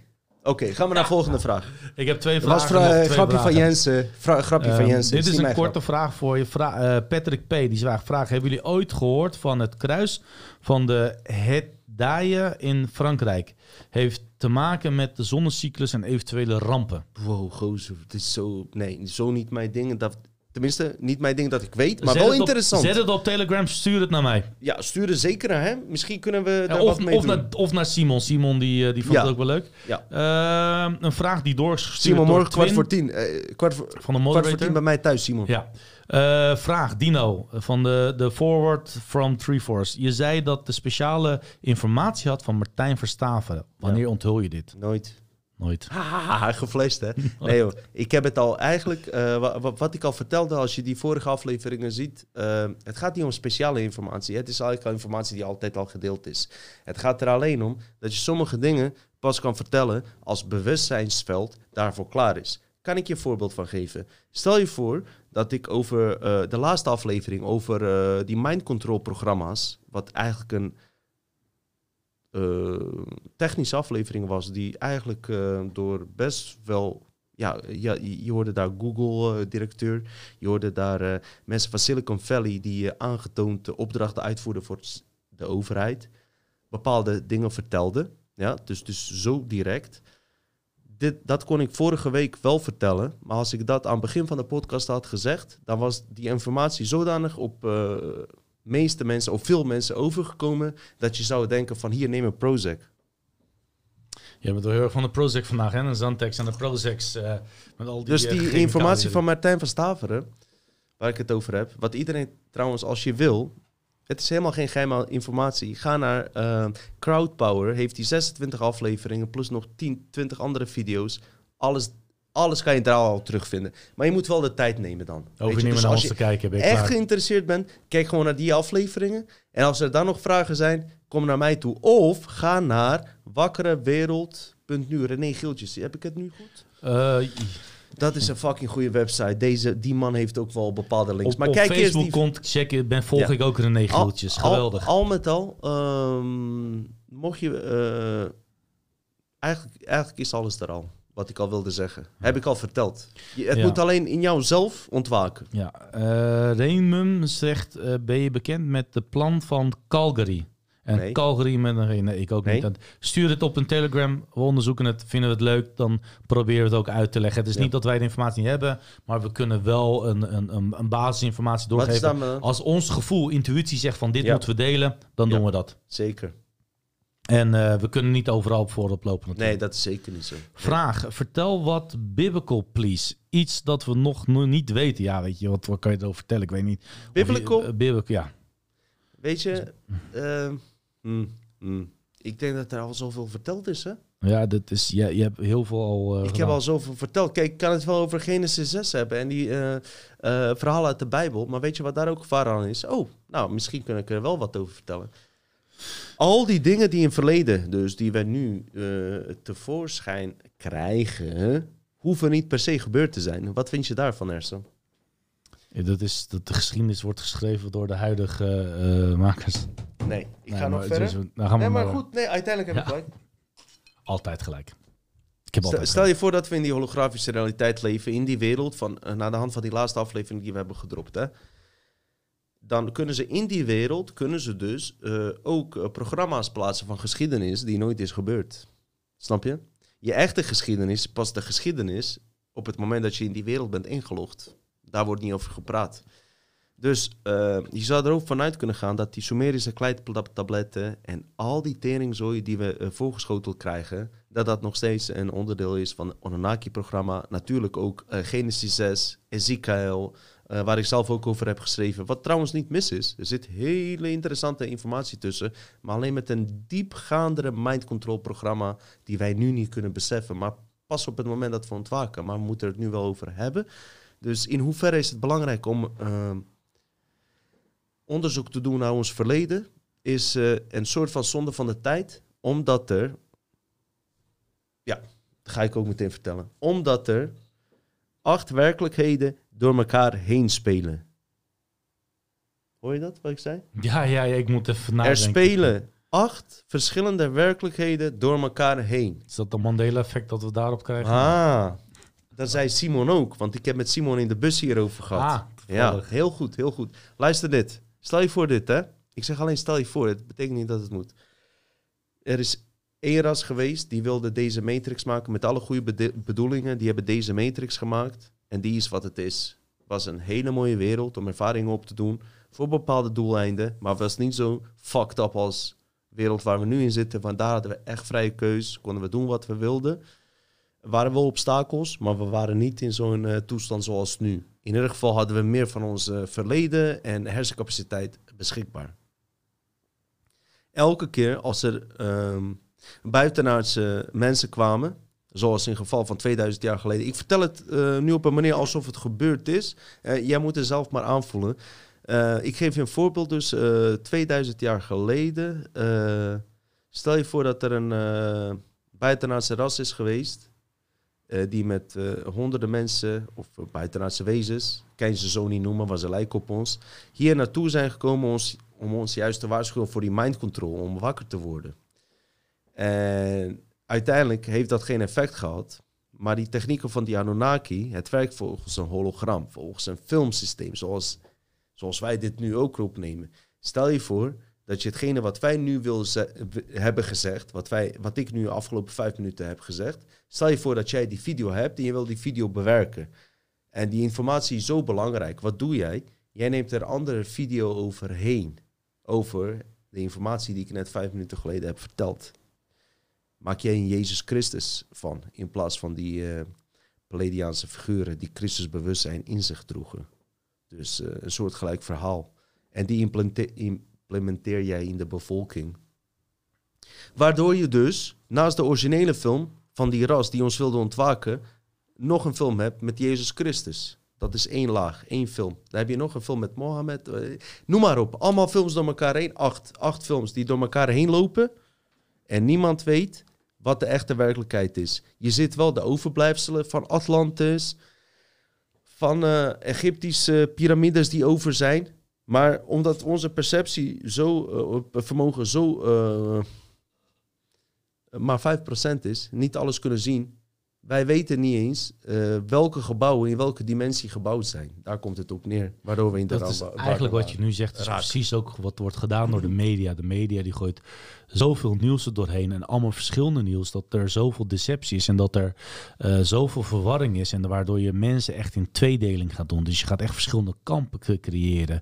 Mensen die dan zeggen ja of nee, mensen die heel erg statisch worden, die alleen maar gesloten vragen hebben. En wat je nu zegt, dus er is heel veel desinformatie, waardoor mensen Ja. eh, door de boom het bos niet meer kunnen. Nou, zelfs als je dus ehm, eh, Sumerische kleitabletten zit, eh, kan je niet vanuit gaan dat ze echt zijn. Kan nog steeds invloed zijn van Anunnaki. Heb ik al in eerdere afleveringen gezegd. Want wat is de conclusie van Sumerische kleitabletten? Dat Anunnaki ons omhoog heeft ge- geholpen naar beschaafdheid. Terwijl het juist andersom gebeurd is. Wij, wij waren al koninklijke bloedlijn. We zijn gedegradeerd tot glazenwasser. Ruitenheer. Ruiter. Mooi. Eh, Adamski Nee, eh, erop, hè. vraagt weet, of jij wat meer weet van Trump. Of hij weet waar hij mee bezighoudt en wat hij wilt gaan doen. Luister, ik heb hem laatst gesproken. hè. En Even wat zei tussen hij? ons, Even tussen ons. Hé, niet doorvertellen. Nee, eh, wat Trump betreft... Nee, mhm. Wat voor antwoord kan ik daarop geven? Hij, Niks zinnigs. hij nee. heeft wel een nieuwe platform dat hij gaat opbouwen Ja, binnenkort ja. voor nieuwe informatie. Ik hij denk gaat wel- natuurlijk voor nieuwe verkiezingen, dat is wat duidelijk is. De meeste mensen willen weten, is eh, Trump control opposition of niet? Ik zeg alleen, eh, je moet voor jezelf nagaan of je zelf ook niet control opposition bent. Als je vorige aflevering hebt gezien en andere onderwerpen, ze breken in in je mind. Dat kunnen ze bij Trump ook doen. Waarom? Tuurlijk, Trump is ook een oude eh, versierder en eh, weet ik veel wat. Eh, als jij je zwak hebt voor vrouwen, kunnen ze ook die duivel in haar stoppen. Snap je wat ik bedoel? Het zijn allemaal figuren die daarin in, intrappen. Dus Trump ook, denk ik. Hè? Dat is weer mijn mening. Misschien niet zo. Maar wat ik dus wel denk, is mijn mening erover, is dat Trump dus... eh, ja, kan ik dat bewijzen? Nee. Eh, Ik zeg niet dat hij eh, eh, in, in, in zo'n Illuminati-clubje zit. Het zou wel kunnen. Ik denk wel datgene wat hij zegt, dat hij wel meent, maar dat het gecontroleerd wordt door machten die hij zelf niet onder controle heeft. Dat is mijn conclusie. Die lijkt me wel goed, toch? Hè? ja. Voor die rechtse mensen. Ja, hè? ja. Eh, Blijf kijken, rechtse mensen. Ik hou van jullie, hè? Zonder jullie ben ik niks, hè? Anders hou je alleen dit over, hè? Eh, Ik ben progressief. Eh, wat is volgens jullie, Patrick van der Hork, wat is volgens jullie de relatie van de mens dat ongeveer 70% uit eh, water bestaat, zoals ook de aarde? Ja, heel goede vraag. We hadden het net over die Floride, weet je. Het is heel belangrijk. We moeten die Stef bellen, man. Hoe heet die gozer Stef? Ik moet die eh, shit aanschaffen in mijn huis, man. Iemand zegt in het Turks, Holland boeken zullen chok condition. Sekterland! Ziekterland zegt hij dan. Ga naar je eigen land! Rijnkade zegt hij dan. Nee, joh, grapje. Waar woont hij? Ik Rijnkade. Geweldig, geweldig. Hey, je moet er meer Turken kijken, man. Want jullie hebben strijd, weet je, in, in jullie botten. Jullie zijn Turk tot in het bot. Ja. Hoe ga je nieuwe kinderen maken, vraagt iemand. Eh, ga je ze kopiëren in de Matrix? Hey, luister, ik doe op de wetse manier. Begrijp je wat ik bedoel? Ik zet gewoon Genuine aan. If you're horny, let's do it. Is dat niet R. it. Oh nee, dat is... Dat is Oh, nee, deze ziek. Ik dacht R. Kelly die eh, kleine kinderen Nee, verkracht. dat is heel en, vies. Fiesta, fiesta. nee, er zijn... er Kom zijn naar eh, kinderzwembad. Ergens kan je geen livestream over pano, panoram, pano, panoramaal. Ik, ik krijg Paranormaal. paranormale, jeetje. Wie is nou dronken. Potverdikke me, soms kom Wat willen ze uit mijn horen? woorden. Wat- ja. Ja, en wat, wat wil je horen? Ik, ik, ik ben er niet zo heel erg diep in. Ik denk dat er heel veel vrouwen zijn die kijkers zijn. Laat me weten welke de beste is. Misschien kunnen we een keer eentje uitnodigen. Eh, stuur je informatie op eh, en dan kom ik een keer bij de show. Zou ik zeggen, dat is mijn mening. Eh, ik weet niet hoe Dino Ja. erover denkt. Nou ja, zeker wat je eh, zegt. Ehm, Ja, zijn er nog eh, ongestelde vragen? ja, ja, ja. Hart, vraag. Wanneer wordt deze... Oh ja, Hart, die wil mij liever niet in de show hebben omdat ik store. Pak ja. Nee, ik maak maar een grapje. Wanneer wordt deze wereldwijde wizard van Os ontmaskerd? Jezus, jullie denken dat we eventueel antwoorden hebben. Ja, da- daarom doen we ook een vraag. Hè? Dus We- mensen we- weet je waar het om gaat? Waarom je dit soort vragen en eh, eh, waarom paragnosten, eh, kom ik weer terug op paragnosten en kaartleggers en alles die zogenaamde wereldvoorspellingen doen. En die kloppen ook wel als het persoonlijk om jou gaat. Jij zit in de matrix. Dus op het moment dat jij heel veel uit je brein denkt, ben je voorspelbaar. Dus ook voor die kaarten. Uh, niemand kan de toekomst voorspellen, omdat elk moment triljarden mogelijkheden, hologrammen zijn waar we in op kunnen inloggen. De grootste oorlog gaat om het volgende. En dat gaat via mind control, is om menselijk gezamenlijk bewustzijn in één frequentie te zetten. Hoe kan je dat doen? Door mind control op een groot level te plegen. Hoe gaat het met hedendaagse techniek? Dat gaat via computer, via massamedia en al die andere bullshit. Dus niemand kan het voorspellen. Het ligt eraan wanneer wij massaal ontwaken en die tijdlijn veranderen. Op dit moment zijn we tijdlijn van hun aan het uitvoeren omdat we gewoon uh, erin trappen. Dus niemand kan toekomst voorspellen. Ik, ik Alleen zat, wij zelf. Ik zat toevallig even op de Dutch Matrix chatchip en daar zegt Treeforce vraag. Daalt je frequentie door het nuttig van alcohol, waardoor je bepaalde entiteiten van lagere frequenties kunnen aanhechten? By the way, Dino, wat ben je aan het drinken? Ik ben nu uh, Shivas aan het drinken. Niet goed. Waarom drink ik Shivas? Omdat ik daar geen kater van heb. Ik moet morgen kwart voor negen werken. Simon, kom kwart voor negen bij mij, oké? We moeten werken, we hebben een nieuwe ehm, klus. Uh, wacht even, laat me die vraag oh, beantwoorden. Sorry, ja, hey, luister, zeker door alcohol dat je invloed hebt. Zeker. Kijk, als je jointje rookt, word je een beter mens met alcohol als één persoon. Hoe vrolijk je ook bent. Bij de hand doet, kan je zo omdraaien. Terwijl als je jointje rookt, vind je alles best. Rook gewoon een jointje goed. Dus je was alleen... Uh, nee, ik zou je niet aanraden om alcohol te drinken, nee. Maar... Ik doe dit alleen uit stress, weet je. Ja, alcohol. Ja, weet je, waar, weet je waarom er je vroeger... Hebt er niks aan. Je hebt er niks aan. Weet je waarom er... Ik, als ik terug ga, ik hou van Het is een uh, Arabiers woord. Alcohol. Als Allah, je, alcohol. De, als, je, als, je, als, je, nee, als je teruggaat naar uh, de Nederlandse geschiedenis... Uh, en waar ik... Ik hou van geschiedenis, dat weet ik. Oké, vertel je die. Sommige mensen denken van... Wees snel. Uh, want ik kan die vraag niet beantwoorden allemaal in mijn eentje. Uh, waarom drinken mensen alcohol in Nederland en waarom bier? Het was zo dat uh, het water was zo, meestal zo verontreinigd dat mensen liever bier gingen drinken en bier dronken, omdat je het water niet kon drinken en bier gedestilleerd. En als je twee keer destilleert, heb je sterke drank. En daarvoor werd er vaker uh, bier gedronken dan water. Want als je vaak water dronk, dan krijg je of diarree of, of, een of andere ziekte uh, dat je niet wilde. En dan was je dood. Dus er werd vaker alcohol gedronken. En in bepaalde uh, Indiaanse stammen werden, worden er soms hele stevige alcohols gemaakt om wel naar de spirituele wereld te komen en om samen te drinken en als ritueel. Deze man die drinkt het gewoon omdat hij het gezellig vindt en leuk vindt en morgenochtend wel moet werken. Ik ben even gestopt met alle ongezonde dingen. Ik zal niet zeggen dat ik er geen trek in heb, maar ik weet je, ik wil nu echt even, even knallen. Even ook met mijn fysiek, mentaal, yin en yang, mijn balans gewoon in orde brengen. En uh, ik hoop dat het me gaat lukken. Uh, ik wil gewoon echte shit horen over paranormale activiteit. Nou, weet je, um, ik hoop dat het binnenkort komt. Uh, welke afkomst zijn jullie allemaal nieuwsgierig? Ik ben gewoon hier geboren. Uh, vraag. Dat hebben we ook al gehad. Vraag van mij, Ersan, kunnen jullie uh, Rolf Nuits nog een keer uitnodigen? Zeker, zeker. Dat is zeker in de planning. Uh, Rolf is een hele toffe gast en die vindt het hier ook wel oké. Uh, dus die gaat zeker nog wel eens komen. En als ik zeg zeker, is het natuurlijk niet helemaal zeker. Maar 90% kans dat hij nog wel een keer gaat komen. hebben jullie nog wat Chivas gesmokkeld met de BMW 3-serie? Grappig.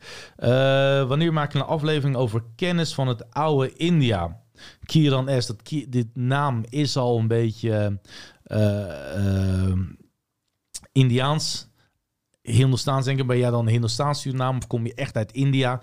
Uh, want dat zijn meestal alleen maar expats. De, de, vanuit de sikkel zijn er heel veel mensen richting India gegaan. Uh, maar ook bijvoorbeeld de Scheuners was een groep in India die daar leefde, die daar werd weggestoten, die eigenlijk richting Roemenië is gaan en Bulgarije, waar de Zigeuners zijn, wat ook eigenlijk een soort van oude Indiaanse volk is uh, in de verre geschiedenis. Ik weet er wel wat over, niet alles over, niet de hele geschiedenis compleet, maar het is zeker een. Uh, ik vind India eigenlijk niet eens een land, maar meer echt een continent. Er zijn multilanguages, multigelovig. Uh, en wat de Engelsen daar hebben gedaan, jongen. De Engelsen zijn zo rijk. Terwijl als, als, als, als de Engelsen niet daar waren geweest en India had nog steeds rook je lekker je peukje, jongen. Hij gaat lekker zijn peukje roken. We hebben nog maar een half uurtje of zo, maar hij gaat peukje roken. Dat geeft niet. Um, als, als, als, als Engeland niet India en Pakistan zo had verkracht, was dat nu echt een van de rijkste landen ooit ever geweest. En zo zie je maar wat het Britse Rijk doet. En nog steeds bestaat die Britse Rijk. Hè. Vergis je niet. Dat is echt, eh, dat is echt verschrikkelijk. Ehm, ja, dat is een lastige vraag. Eh, denken jullie dat deze tijdlijn mogelijk spontaan is on- ontstaan in de tijd te reizen? Dat is een lastige. Denken jullie dat... ehm, ik, heb, ik, heb, ik heb de series gekeken, Loki. En dan heb je de TVA, de Time, bla bla bla, Adjustment Bureau. Various Adjustment Bureau. En dat is als, als er in dat, dat de hele tijdlijn wordt geconteerd op een bepaald jaar, in de jaar 3000, nog wat. Is er een persoon die zichzelf tegenvecht omdat er multi-internationale. eh, ik ga dit verwaren voor een Hollywood Unmasked. Maar dat is een, echt een hele leuke serie. Ik ga een keer doen in een Hollywood Unmasked. En dan, dan met die tijdlijnen word je helemaal gestoord. Als je, als je die serie een beetje begrijpt. Ik heb bijna elke aflevering twee, drie keer gekeken. Ik vond hem echt, echt heel erg tof. Zal ik even kijken of mensen wat eh, afvallen nu dat ik de hele aan het worden ben? Nee, stabiel. Mensen gaan nog niet wegrennen van mij. Vind ik nog heel erg tof, mensen. Terwijl deze meneer gewoon lekker even eh, gaat roken. Eh, kan je, er kan je geen livestream over paranormaal. Hoe denken jullie over de Faro-bloedlijnen in onze hedendaagse koninkrijken? Eh Faro, bloedlijnen. Ja, dat is wel een hele pittige. En dat is wel een hele, hele cryptische ook. Weet jullie wie een van de laatste farao's is geweest? Eh, Alexander de Grote. Ik weet niet of die Alexander uiteindelijk echt groot is, maar het is wel echt eh, een van de personen waar ehm, alle andere grootheden echt naar opkeken. Dat ze allemaal hetzelfde wilden worden als Alexander de Grote. Maar Alexander de Grote is na de overlijden van zijn vader, heeft hij de macht overgenomen. Heeft hij eh, Griekenland ook proberen over te nemen. Heeft hij, uiteindelijk heeft hij oorlog gevoerd tegen Xerxes, tegen, tegen het Oud-Persisch Rijk. Ehm, eh, het puntje bij paaltje even terug, want die hele geschiedenis is prachtig. Heeft hij uiteindelijk is hij helemaal doorgegaan tot aan Egypte. En hebben ze hem daar, of hij zichzelf daar bekroond als een farao. Dus Alexander de Grote was ook als een farao. En dat is ook een bloedlijn die vanaf Alexander de Grote meegaat. Maar hij vond volgens mij mannen leuker dan vrouwen. Want in het oud-Grieken dan had je liever een, een, man en vrouw had je puur voor functioneel gebruik om te, om te, om te vermenigvuldigen. Maar die, eh, die eh, bloedlijnen van de farao's, daar gaat Dino zeker nog wel een keer wat verder op vertellen. En ik zal wat meer in de geschiedenis van de farao's gaan. Dus dat lijkt me wel een leuke. Vraag, hebben jullie wel eens materiaal van Johan Oldenkamp bekeken? Een aanrader. Is dat nou een vraag of is dat nou een ding zegt? Dus dat is een aanrader. Wie? Kirsten, Kirsten zegt... eh, Oldenkamp? ja. Ik ben zelf Hindustaan, maar oud geschrift gelezen in stenen, Matrix, Maya's. Nou, leuk. Eh, stuur Ja, mij een ja. berichtje op Telegram, Kieran. Ja, Oldenkamp, ja, ja. Eh, ja, ja, ja, Oldenkamp. Een vraag. Als je mocht kiezen tussen Oldenkamp. jouw leven in deze realiteit of een leven in de natuur, simpel of the grid, wat kies je? Ik vind hem heel, ik vind, ik vind deze heel diep. Ik vind deze heel diep. Ehm, ik Wat hou voel van je- mijn wat voel- materialisme. Wat voel je Ik- bij die antwoord? ik, wat ik voel bij die antwoord is dat ik van nature wil denken dat ik wil zeggen, ja, ik wil off-grid. Maar kan ik dat wel? Ik ben zo fucking verwend. Ik vind deze technologische voorgangen. Ik werk in technologie. Ik hou van media. Eh, commercieel ben ik. Ik ben heel erg commercieel gericht. Kan ik nog off-grid? Ik denk het niet. Ik denk dat ik dan persoonlijk ongelukkig word. Maar er is dan een heel grote groep heel gelukkig worden. Kan jij off-grid gaan wonen? Ik, eh, eh, datgene wat je zei, en dat vind ik zo mooi dat jij er ook bij bent, dat we ook dit soort antwoorden kunnen hebben, die mensen niet verwachten, zeg maar. dat is mooi. Waarom zou je daarover moeten nadenken? Weet je waar het om gaat? In hoeverre ben jij in staat jouw bewustzijn gewoon bij je te houden? Het maakt geen reet uit, wat ik ook zei in die vorige aflevering. Op het moment dat je dit doorhebt, wat er aan de hand is, ook al zou je gedwongen worden om een virtual reality in te gaan en jij weet dit en je blijft in jouzelf en je weet wat er aan de hand is, kan niks jou iets maken, zelfs onder dwang. Maar al die eh, technologische eh, ja, dingen die er nu aan gaan komen, eh, op het moment dat wij daar eh, zeg maar controle over zouden hebben, zou het zelfs mooie voordelen opleveren. Hoe raar dat ook klinkt. En zelfs in onze oorspronkelijke wereld wordt er samengewerkt met cyber, cyborg-beschavingen. Zo is deze matrix ook opgebouwd. Dus er is niks mis met kunstmatige intelligentie. Wat er wel mis is, is dat ehm, die bij ons wordt ingevoegd zonder dat we het doorhebben. Dus eh, waar gaat het weer om? Bewust van zijn. En dat is toch hetgene wat we doen om je hier bewust van te maken. Daar gaat het om. Dus het maakt geen reet uit. Maakt niet uit. Het, is, het kan zelfs leuk zijn. als je ervan bewust zijn wat, bent van wat het is, zeg maar. Dat is mijn eh, mening daarover. Dus degene wat jij zegt, ja, eh, waarom niet? Waarom zou je er niet in gaan? Maar als je wel bewust bent van wat het is. Dus het is niet zo dat kunstmatige intelligentie een, eh, in 100% eh, vorm een eh, vijand van ons is. Want in andere werkelijkheden werken we ook samen met die beschavingen. Die het wel doorhebben, dat, eh, die wel respect voor ons hebben, zeg maar. Ja, maar iemand vraagt of welk kapper ik ga. Ik ga ergens naar Rijswijk. Het is een hele goede jongen. Ja, Kan goed opscheren. En doe, eh, ja als je het mooi vindt, dan ga ik het nog wel een keer vertellen. supergoed. Ehm. Ja. Vraag. En is Heel het idee boeiend. om Martijn Nee, Verstappen wacht. uit te nodigen? Ja, dat hebben we al oh vijf ja, ja, keer, ja, keer, eh, wacht, ik heb die vraag tien keer. eh, ja, precies. Luister, ik heb, even kijken, vanaf deze podcast, zelfs voordat ik begon, was ik bij Martijn van Staveren. Heb ik hem ook uitgenodigd. Hij heeft gezegd, we kijken wel, weet je wel, ik wil wel komen en alles. Maar ehm, er is zoveel gebeurd. En ah, misschien heb je ook gemerkt. En eh, daardoor heb ik alleen maar nog meer respect voor bepaalde mensen die over deze onderwerpen spraken, nog voordat deze COVID was. Bepaalde mensen hebben ervoor gekozen om hier niet te openbaren eh, in eh, YouTube-kanalen en uitnodigingen op in te gaan door hun persoonlijke reden. Oké?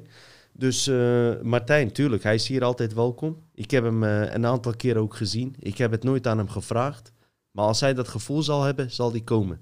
Maar toen kwam iemand anders, die zei tegen mij van... Hey, luister, als die Martijn wel een keer online gaat... dan moet hij wel bij jou komen, hè? Hoezo? Ik ga toch geen claim eh, leggen, weet je, op hem eh, waar hij moet komen of niet. Misschien is het juist beter dat hij bij Jorn Luca komt, bij wijze van, weet je. Eh, wat ik ermee wil zeggen, je moet geen claim leggen op mensen. Proberen ze bij mij ook af en toe te doen. dat ik ergens moet komen of ergens moet verschijnen. Dat is aan die persoon zelf. En eh, als hij morgen bewijzen van, als ik morgen een aflevering zie van, eh, hoe heet Jorn Luca of eh, weet ik veel, Café Versmatch, dat Martijn daar zit en hier niet. Jongen, ik spring, weet je, ik ben even blij alsof die hier is geweest. Dan ga ik door op, op, op een vraag. Vraag hebben jullie van Patrice P. Hebben jullie de interview gezien van Jorn Luca met Gideon Meijers van Forum? Was dat Patricia P? Patricia Pai? Patricia P, ja. Mm. Mm. Sorry, welke aflevering? Eh, die, eh, Jorn met? Ja. Met wie? Eh pff, weer terug. Volblet, hè, Dino? Oké, Eh, hebben jullie eh, een interview van Jorna Luca gezien met G- Gideon Meijers Oh ja, ja, ik zag hem wel voorbij komen. Ehm, hoe moet ik dat antwoorden? Ehm, Wat vond je ervan ook? nee, ik heb hem niet gezien. Ah, Maar ik, wil, ik vind het wel goed dat eh, zo'n eh, jongen er is, zoals die Gideon. Want ik heb wel een stukje gezien eh, dat hij in de Tweede Kamer sprak en alles. Was gewoon goed. Het hoort er te zijn. Jullie weten mijn mening erover. Die eh, richting waar politieke partijen, de manier waar, waar ze op ingaan, al vind ik wel echt, eh, moet ik wel zeggen, vorm van democratie, echt de goede kant op gaan in, in de manier van hoe, hoe ze het doen. Ik sta niet volledig daarachter. Het is geen oplossing, maar toch is het wel goed dat er zo'n Gideon... Me Me- hoe heet die, Gideon Meijer? Ja, zoiets, ja. Eh, ik vind het wel goed dat hij er is. Maar nog steeds zeg ik, en moet je me echt niet om haten, is dat je niet moet verwachten dat hij hier een oplossing in gaat brengen. Baudet ook niet. Maar dat zegt niet dat ik eh, niet eh, goed vind van wat ze zeggen. Ik zag Baudet eh, volgens mij laatst ook in een cryptocurrency-achtige aflevering zitten. En daar moet ik ook bij zeggen, ik zag alleen de titel voorbij verschijnen. Daar stond in van cryptocurrency moet ons redden dus van dit alles. Nou, daar geloof ik dus niet in. Cryptocurrency gaat je niet redden. Ik heb er ook geld in zitten. Ik word er ook rijker van, hè, als het goed met cryptocurrency gaat. Dus ik ben geen hater, maar ik zeg je alleen. eh, je buurman blijft nog steeds je vriendin beffen, weet je. Ondanks dat jij eh, geld hebt gedaan, ma- gemaakt met die cryptocurrency. Hij gaat daar gewoon zo. Hou je vrouw tevreden, jongens, want anders niet. Ja. Je kan beter een meid hebben die, Hey, eh, Serieus. die je kan vertrouwen. Let- die je let kan op je vrouw. En die kan O- o- of op je vriend. Baf hem goed, weet je. Maar eh, ja, ja, ja, dat is mijn mening daarover. Maar, niet ver van de maar. Kijk, wat wel zo is, kijk waar we nu staan. Drie jaar geleden had je niet dit soort discussies. Zag je die, diezelfde Gideon? Ik heb wel een keer een, eh, eh, gezien wat hij wel vertelde in die Tweede Kamer. Dat was ware complot shit. Drie jaar geleden werd je uitgemaakt voor een schizofreen. En dan kreeg je geen 10.000 euro loon, maar dan kreeg je gewoon een vergoeding voor, omdat je ziek bent. En nu is daar bijna geen verschil in. 10.000 euro of uitkering, maakt ook niet uit. Ja, eh, Toby M. Begrijpen ze wel wat ik bedoel eh, trouwens? Kan je zien in Nou, ja, mensen die, die, die praten er natuurlijk over. Zitten er nog verhalen achter grote bekende merken, kleding, producten, auto's? Zeker weten. Ja. Ik ben wel van plan, eh, Ersan, ehm, eh, als deze shirtjes op zijn eindelijk, om in Turkije maar even shirtjes te bestellen. Want Ja, tegenwoordig ken ik mensen die uit Roemenië en Polen bestellen, omdat Ja? dat nog goedkoper is dan Turkije. gaat het allemaal wel eerlijk het- of niet? Het is nu niet dat het de- mij wat boeit. de- het is nu wel de. De Zijn ze van vrachtwagen gevallen? Engels is wel goedkoper nu. Dus ik kan je daarbij helpen, man. Geen probleem. Is ik goed, had het voor je kunnen meenemen, Is maar goed, ik had een beetje te druk. En ik kunnen- moest Turkije een beetje ontsnappen. Ik ga Ja. niet vertellen hoe ik het heb gedaan. Oh, maar eh, deze man. het was zweten, jongen. Het was zweten, Hey, jongen. als Met je- die stor dat ik die stempel kreeg. Hey, als je dat verhaal hoort, box, box, box. Als je dat verhaal hoort, dan denk je toch echt van deze motherfucker is nog erger dan grootste complotdenker, hè? Wat hij allemaal heeft geflikt. Ga ik niet zeggen, want. Erdogan, weet je, het is geen Rutte, snap je? Ah, Rutte, is, sorry, sorry. Rutte is een mietje, weet je? Snap je? Als Erdogan hem ziet, hij, Erdogan is een man. hij pakt hem zelf aan. Er- Erdogan is wel een man, dat moet je wel zien als je ziet hoe andere Rutte kan niet inslaan. Nee, nee, nee, nee. Hij heeft charisma, hij is slim en hij is een hele goede schaakspeler. Ook Trump Wat vind je zelf ook, van Erdogan trouwens? Ook, ook Wat is jouw mening over Erdogan? Erdogan is een hele slimme eh, machtspersoon eh, die echt heel slim kan gaan. Die ook het Wat voel je bij hem? gevoel geeft dat, dat die alleen maar oprecht wil doen. Mhm. Maar wel echt de karikatuur laat zien van een echte dictator. Maar wel eh, achter zijn land is. Maar, wel, maar in Turkije stilt iedereen geld. De hele regering stilt Oké, logisch. alle Overal, er dat is heel weten veel we. corruptie. Uh, ook hier in Nederland, vergis je niet. Maar ook, ik vond nog mooi toen uh, Rutte naast Poetin zei... en dat Rutte zei van ja, in Rusland wordt dit gezegd worden... de rechten worden ontstaan worden. En dat Poetin zegt... ik sta hier naast een persoon die een pedofiele partij de Ja, ruimte geeft. Geweldig. En, uh, de, de, en dat er een pedofiele partij is. Dat kan je dat waar- opzoeken? Kan je dat, ja, dat kan je opzoeken. Maar mensen kan je dat live kunnen... uitzenden? Ik, nee, ik kan dat nu niet opzenden. Maar Dat is kut. dat, zoek dat op op YouTube. Die wordt, hij wordt gewoon volledig geweldig, kapot geweldig. gemaakt. Ja. En uh, Dat, dat Ja. is zeker wat het is. dus Matrix zou maar, van eh, een jointje smoken met Erdogan. nee. Ik, ik smoke geen. Misschien een hashjointje weer een keer. Met mij Ooit, wel. Ooit. Met mij wel, maar met. Ersan niet. Nee. Nee, eh, Erdogan die zou niet. eh, nee, Erdogan Er- zou absoluut niet. Erdogan is zwaar tegen roken. Ersan zit aan Prozac. Zwaar, zwaar. Ik zit niet aan Prozac. Ik Nee, zit nee, aan geen enkel medicatie, mensen. Hey, gozer, luister. Ehm. Als je wist wat deze man mee had gemaakt de laatste paar maanden. Ja, hey, zelfs ayahuasca zou hem niet helpen. Oké? Nou, de, de vragen. eh, Oké. ja. Nou, dus nog een, eh, nog een vraagje. Eh, er staan twee knippen met je ogen als je eh, niet veilig bent. Die vind ik wel goed. Oké. eh, Erdogan heeft nog een BJ van. Oké. Vraag. Hoe sta je tegenover Cosmic Agency van Marion Kiekens? Wauw. Die zeker ik naar weet mij dat, ik heb jou daar vaak over gehoord. Ik ga jullie vertellen, eh, vaste kijkers weten wel, wat was er aan de hand? Moet ik weer even terugschakelen. Kwamen allemaal nieuwe podcasten eh, op de eh, wereld de afgelopen paar jaar. Iedereen ging dezelfde kant op, wij gingen onze eigen kant op. Op een gegeven moment dachten we van fuck, ehm, we hebben bepaalde onderwerpen, maar we kunnen ons nergens mee identificeren, weet je. Want eh, het wijkt zo sterk af van alles, zelfs binnen de complotmedia. Dat ik zelf dacht van, wow, dit is wel heel bizar. En toen ontdekte ik Cosmic Agency. En ik blijf altijd kritisch hoor. Ben ik nog steeds ook me- naar hun toe trouwens, naar die Cosmic Agency. Maar er was eindelijk iets waar ik me mee kon identificeren. En dat is heel gevaarlijk tegelijkertijd. Want dat kan een programma zijn. Daar ben ik me nog steeds van bewust. En daarmee zeg ik niet dat Cosmic Agency een programma is. Maar ik ben me er wel van bewust. Maar toen ik dat tegenkwam, eh, dacht, ik, dacht ik wel van... wow, eindelijk een keer iets waar je mee kon identificeren. En misschien is dat wel het zwakke van de mens. Dat we altijd iemand zoeken om ons mee te identificeren. Toch? Dat is toch altijd zo geweest. Want eh, toen Turken hier kwamen wonen, ehm, gingen ze alleen met Turken om. Omdat ze met, Turken konden identif- identificeren. En Marokkanen ook met Marokkanen. Maar wij zitten nu in een andere wereld. We zitten nu in een complotwereld. Waardoor dat niet meer uitmaakt. Maar we willen ons identificeren met mensen die een beetje dezelfde meningen hebben als wij.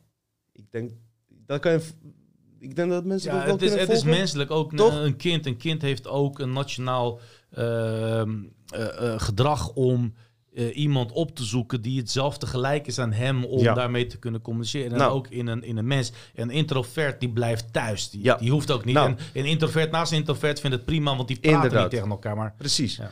En op een gegeven moment ehm, kwam die Cosmic Agency, en zij zijn niet de enige trouwens, ik heb nog wel andere bronnen die mee samengaan, maar ik had daar een bepaalde feeling bij, en nog steeds, dat ik dacht van, wow, oké, weet je, dit gaat wel samen. Dus dat hebben we geïntroduceerd. Maar als ik, ik denk dus nog steeds dat je altijd nog kritisch moet zijn op je eigen geloofssysteem. En als ik er eens kritisch over moet zeggen, is van dat die informatie onwijs goed gepaard ging met hetgene wat wij hebben gezegd. Maar als het gaat om hetgene waar, eh, eh, wat de mensheid werkelijk is en hoe sterk de mensheid werkelijk is en wat die werkelijk kan doen en kwantumfysica, vind ik niet tot nu toe van informatie wat ik heb gehoord van Cosmic Agency, dat ze daar eh, eh, genoeg aandacht aan hebben besteed. Betekent dat nou dat ik ze afkeur of goedkeur? Zeg ik niet. Maar ehm, ik heb niet bij hun, zeg maar, een instruc nee, instructieboekje is een verkeerd woord. Ik heb van hun geen aanwijzingen gehad van eh, hoe we deze shit moeten oplossen. En van Martijn wel. Zeg gewoon eerlijk. Ik ben geen ballenlikker hoor, van Martijn. Maar ik zeg gewoon eerlijk. Al was het iemand anders, had ik iemand anders gezegd. Ik heb helemaal geen agenda achter Martijn. Ik ken die gast niet, hij kent mij ook niet. Maar we, we voelen elkaar wel, weet je. Daar gaat het om. Dat is mooi. Ik We kennen elkaar ook wel trouwens. Raar wat ik zeg, maar ik ga niet met hem om. Ik, ik zie hem niet elke dag. Dus ik, zie, ik zit niet met Martijn van Staveren zoals met jou. Dat ik, eh, we gaan eten, drinken. En eh, Ik wilde wat zeggen, maar ik ga het niet doen. hij wil de gangbang zeggen, maar en zo, weet je. Oh. Dat doe ik dan wel met Martijn. eh. Nee, Dus- nee, maar wat ik wil zeggen... ik heb het over Martijn, maar hij is geen vriend zoals Ersan. Dat we hier zo naast elkaar zitten. Maar ik voel die man. We hebben met elkaar gezeten. We hebben vijf, zes keer... hey, ik heb ziekste dingen verteld tegen Martijn... die ik nooit in de podcast heb gezegd. Wil je dat ooit in een podcast wel vertellen? Want was ook een vraag is, wanneer ga je iets vertellen wat je niet wilt vertellen? Heb je dat? Ja. Mm. Wat ik net zei, het ziekste wat ik heb verteld ging over ayahuasca-ervaring. Die ik hier ook heb, eh, eigenlijk heb verteld. Maar weet je wat het is? Met dit soort ervaringen moet het eh, moment daar zitten, dat je in die feeling zit, dat je het kan vertellen. Dus als ik het nu vertel, is het een leuk verhaal. Maar als ik er echt in zit en er zin in heb om dat te vertellen, dan voel jij hem ook, weet je? Ja. En ik had dat toen eh, bij Martijn. Maar ma maakt het ook verder niet Maar- uit. maar- Wat ik ermee wil zeggen is dus eh, dat ik niet met Martijn zoals met Ersan omga. Je hebt er niet mee geknikkerd, laat ik het zo zeggen. Nee. Nou oké, nou laten we het gelijk kort houden. Dus iemand die, die eh, is een trouwe kijker de- en die heeft een leuke vraag en ik denk, ik ga deze toch stellen. Vraag, komt er nog een aflevering met de vrouw van Dino? Die was toch eens een keer opgenomen, maar mislukt. Ja, vertel jij maar. Dus ja, nou, ik, eh, ik mocht de gelegenheid hebben om deze twee te interviewen. Dus ik had oh, doe niet, de- maak er niet zo'n groot ding van. Ik had, ik, ik had, ik vond Stel het geen leuk. reet voor, geen reet- man. Kom op, man. maar het, het was zo leuk en zijn vrouw ging zo goed mee. En we hadden het opgenomen, maar die SD-kaart is gewoon kapot gegaan. En dat te praten over Ja. negatieve krachten. En eigenlijk wilden we die podcast waarschijnlijk wel op een audioplatform gaan neerzetten. Ja. Omdat die echt heel leuk was en heel groot. Hij was maar, echt goed. Maar het Hij mooiste was hij was spontaan. En Hij was er was echt een goed. goede sfeer. En of je dat hetzelfde ooit gaat krijgen, weet ik niet. Dat is net zoals die aflevering met Jernas. Dat we Oh ja. echt een, Kan- echt een Kan je dat ook even uitleggen? Waarom we dronken waren? waarom we dronken waren, ja. Of ik? Eh, of hij zo. Omdat we halverwege de aflevering, driekwart van de aflevering, gingen we dachten van oké, we dachten van oké, nu kunnen we ook even een lekker borreltje op. Mag ik even, even tussendoor zeggen? We hadden een aflevering met Jernas. Dat is die gast. Dat is die eh, neger. Die eh, eh, donkere man die bij FVD zat. Hij was gewoon tweede of derde man van Baudet. Drie, vier jaar geleden had hij bepaalde uitspraken ge- gedaan... waar ik trouwens niet eens achter sta. Maar goed. Hele heisa eromheen, dit en dat, zus en zo. Hij moest bij eh, FVD weg. En eh, die man... ehm, had mij via onze gezamenlijke vrienden eh, benaderd om hier te komen. En ik heb er nog over nagedacht, omdat ik geen politieke shit hier doe. Omdat, er duizend podcasten zijn die dat doen. Maar bij hem had ik zoiets van, hij belde mij op. Hij zegt, Dino, luister, interesseer me geen reet, jullie hele podcast. Jullie hebben veel kijkers en ik wil daar komen. Nou, als je met zoiets komt, heb ik alleen maar respect voor je. Omdat je zo direct bent. Ik zeg, gozer, je bent een klootzak, maar kom maar langs, weet je. en hij kwam hier En wij hadden het superleuk. Ja, Toch? ja, ja, ja. ja, ja. Ersan Dus heeft hem naar huis gebracht en ja, eh, we weet hebben- ik veel We wat. hebben gewoon goede, oprechte Ja, gesprek gehad met wat hij dacht, zijn mening. Wat Kijk, ik kan totaal niet met hem Nee, meeleven. deze twee al niet. helemaal niet. Maar wat was er aan de hand?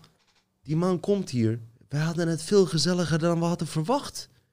Die man die wist van rapnummers en dit en dat, zus en zo. Verhaal kort te maken. Voordat we gingen opnemen hadden we een paar drankjes op. Tijdens de opname hadden we een paar drankjes op. Eh aflevering niet eens drie kwartier. Vriend, die aflevering was voor 75% af. Die man, Jernas, gaat zo achteroverleunen. Ja, tegen die stekkerdoos aan. Ja, die zien ze niet, maar oké. Bam. Alles valt uit. Terwijl ik toen echt fucking scherp was. Hij was scherp, ik was scherp. En hele goede opmerkingen heen en weer. zieke, zieke discussies, maar gewoon op een, weet je, respectvolle manier. Ineens valt alles uit. Bam, weg. En dan ben je, heb je al een halve fles Bacardi op. En toen eh, is de rest van de En omdat we spontaan willen houden, gaan we het niet nog een keer hetzelfde onderwerp en Maar boeit het nou doen. waar we het over hebben Nee, maar het, is, het, is, het is alleen over wat. Maar goed, eh, een van de laatste vragen, want we zijn echt te dik over die twee uur heen. Oh ja. Eh, vraag, wat vinden jullie van het feit dat Nederland overal met zijn vinger een paplepel mee had en zoveel in het verleden als het nu? ja. Mag ik die antwoorden? of Ja, jij? zeker. En dan antwoord ik hem ook daarna. Oké, ik ga je een kort antwoord geven. Daar worden twee programma's doorheen gegooid. Eén programma is dat jij als blanke Nederlander je daar schuldig moet voelen. Als ik het goed heb, hè. Van eh slavernij, tijd en bullshit, alles op en eraan.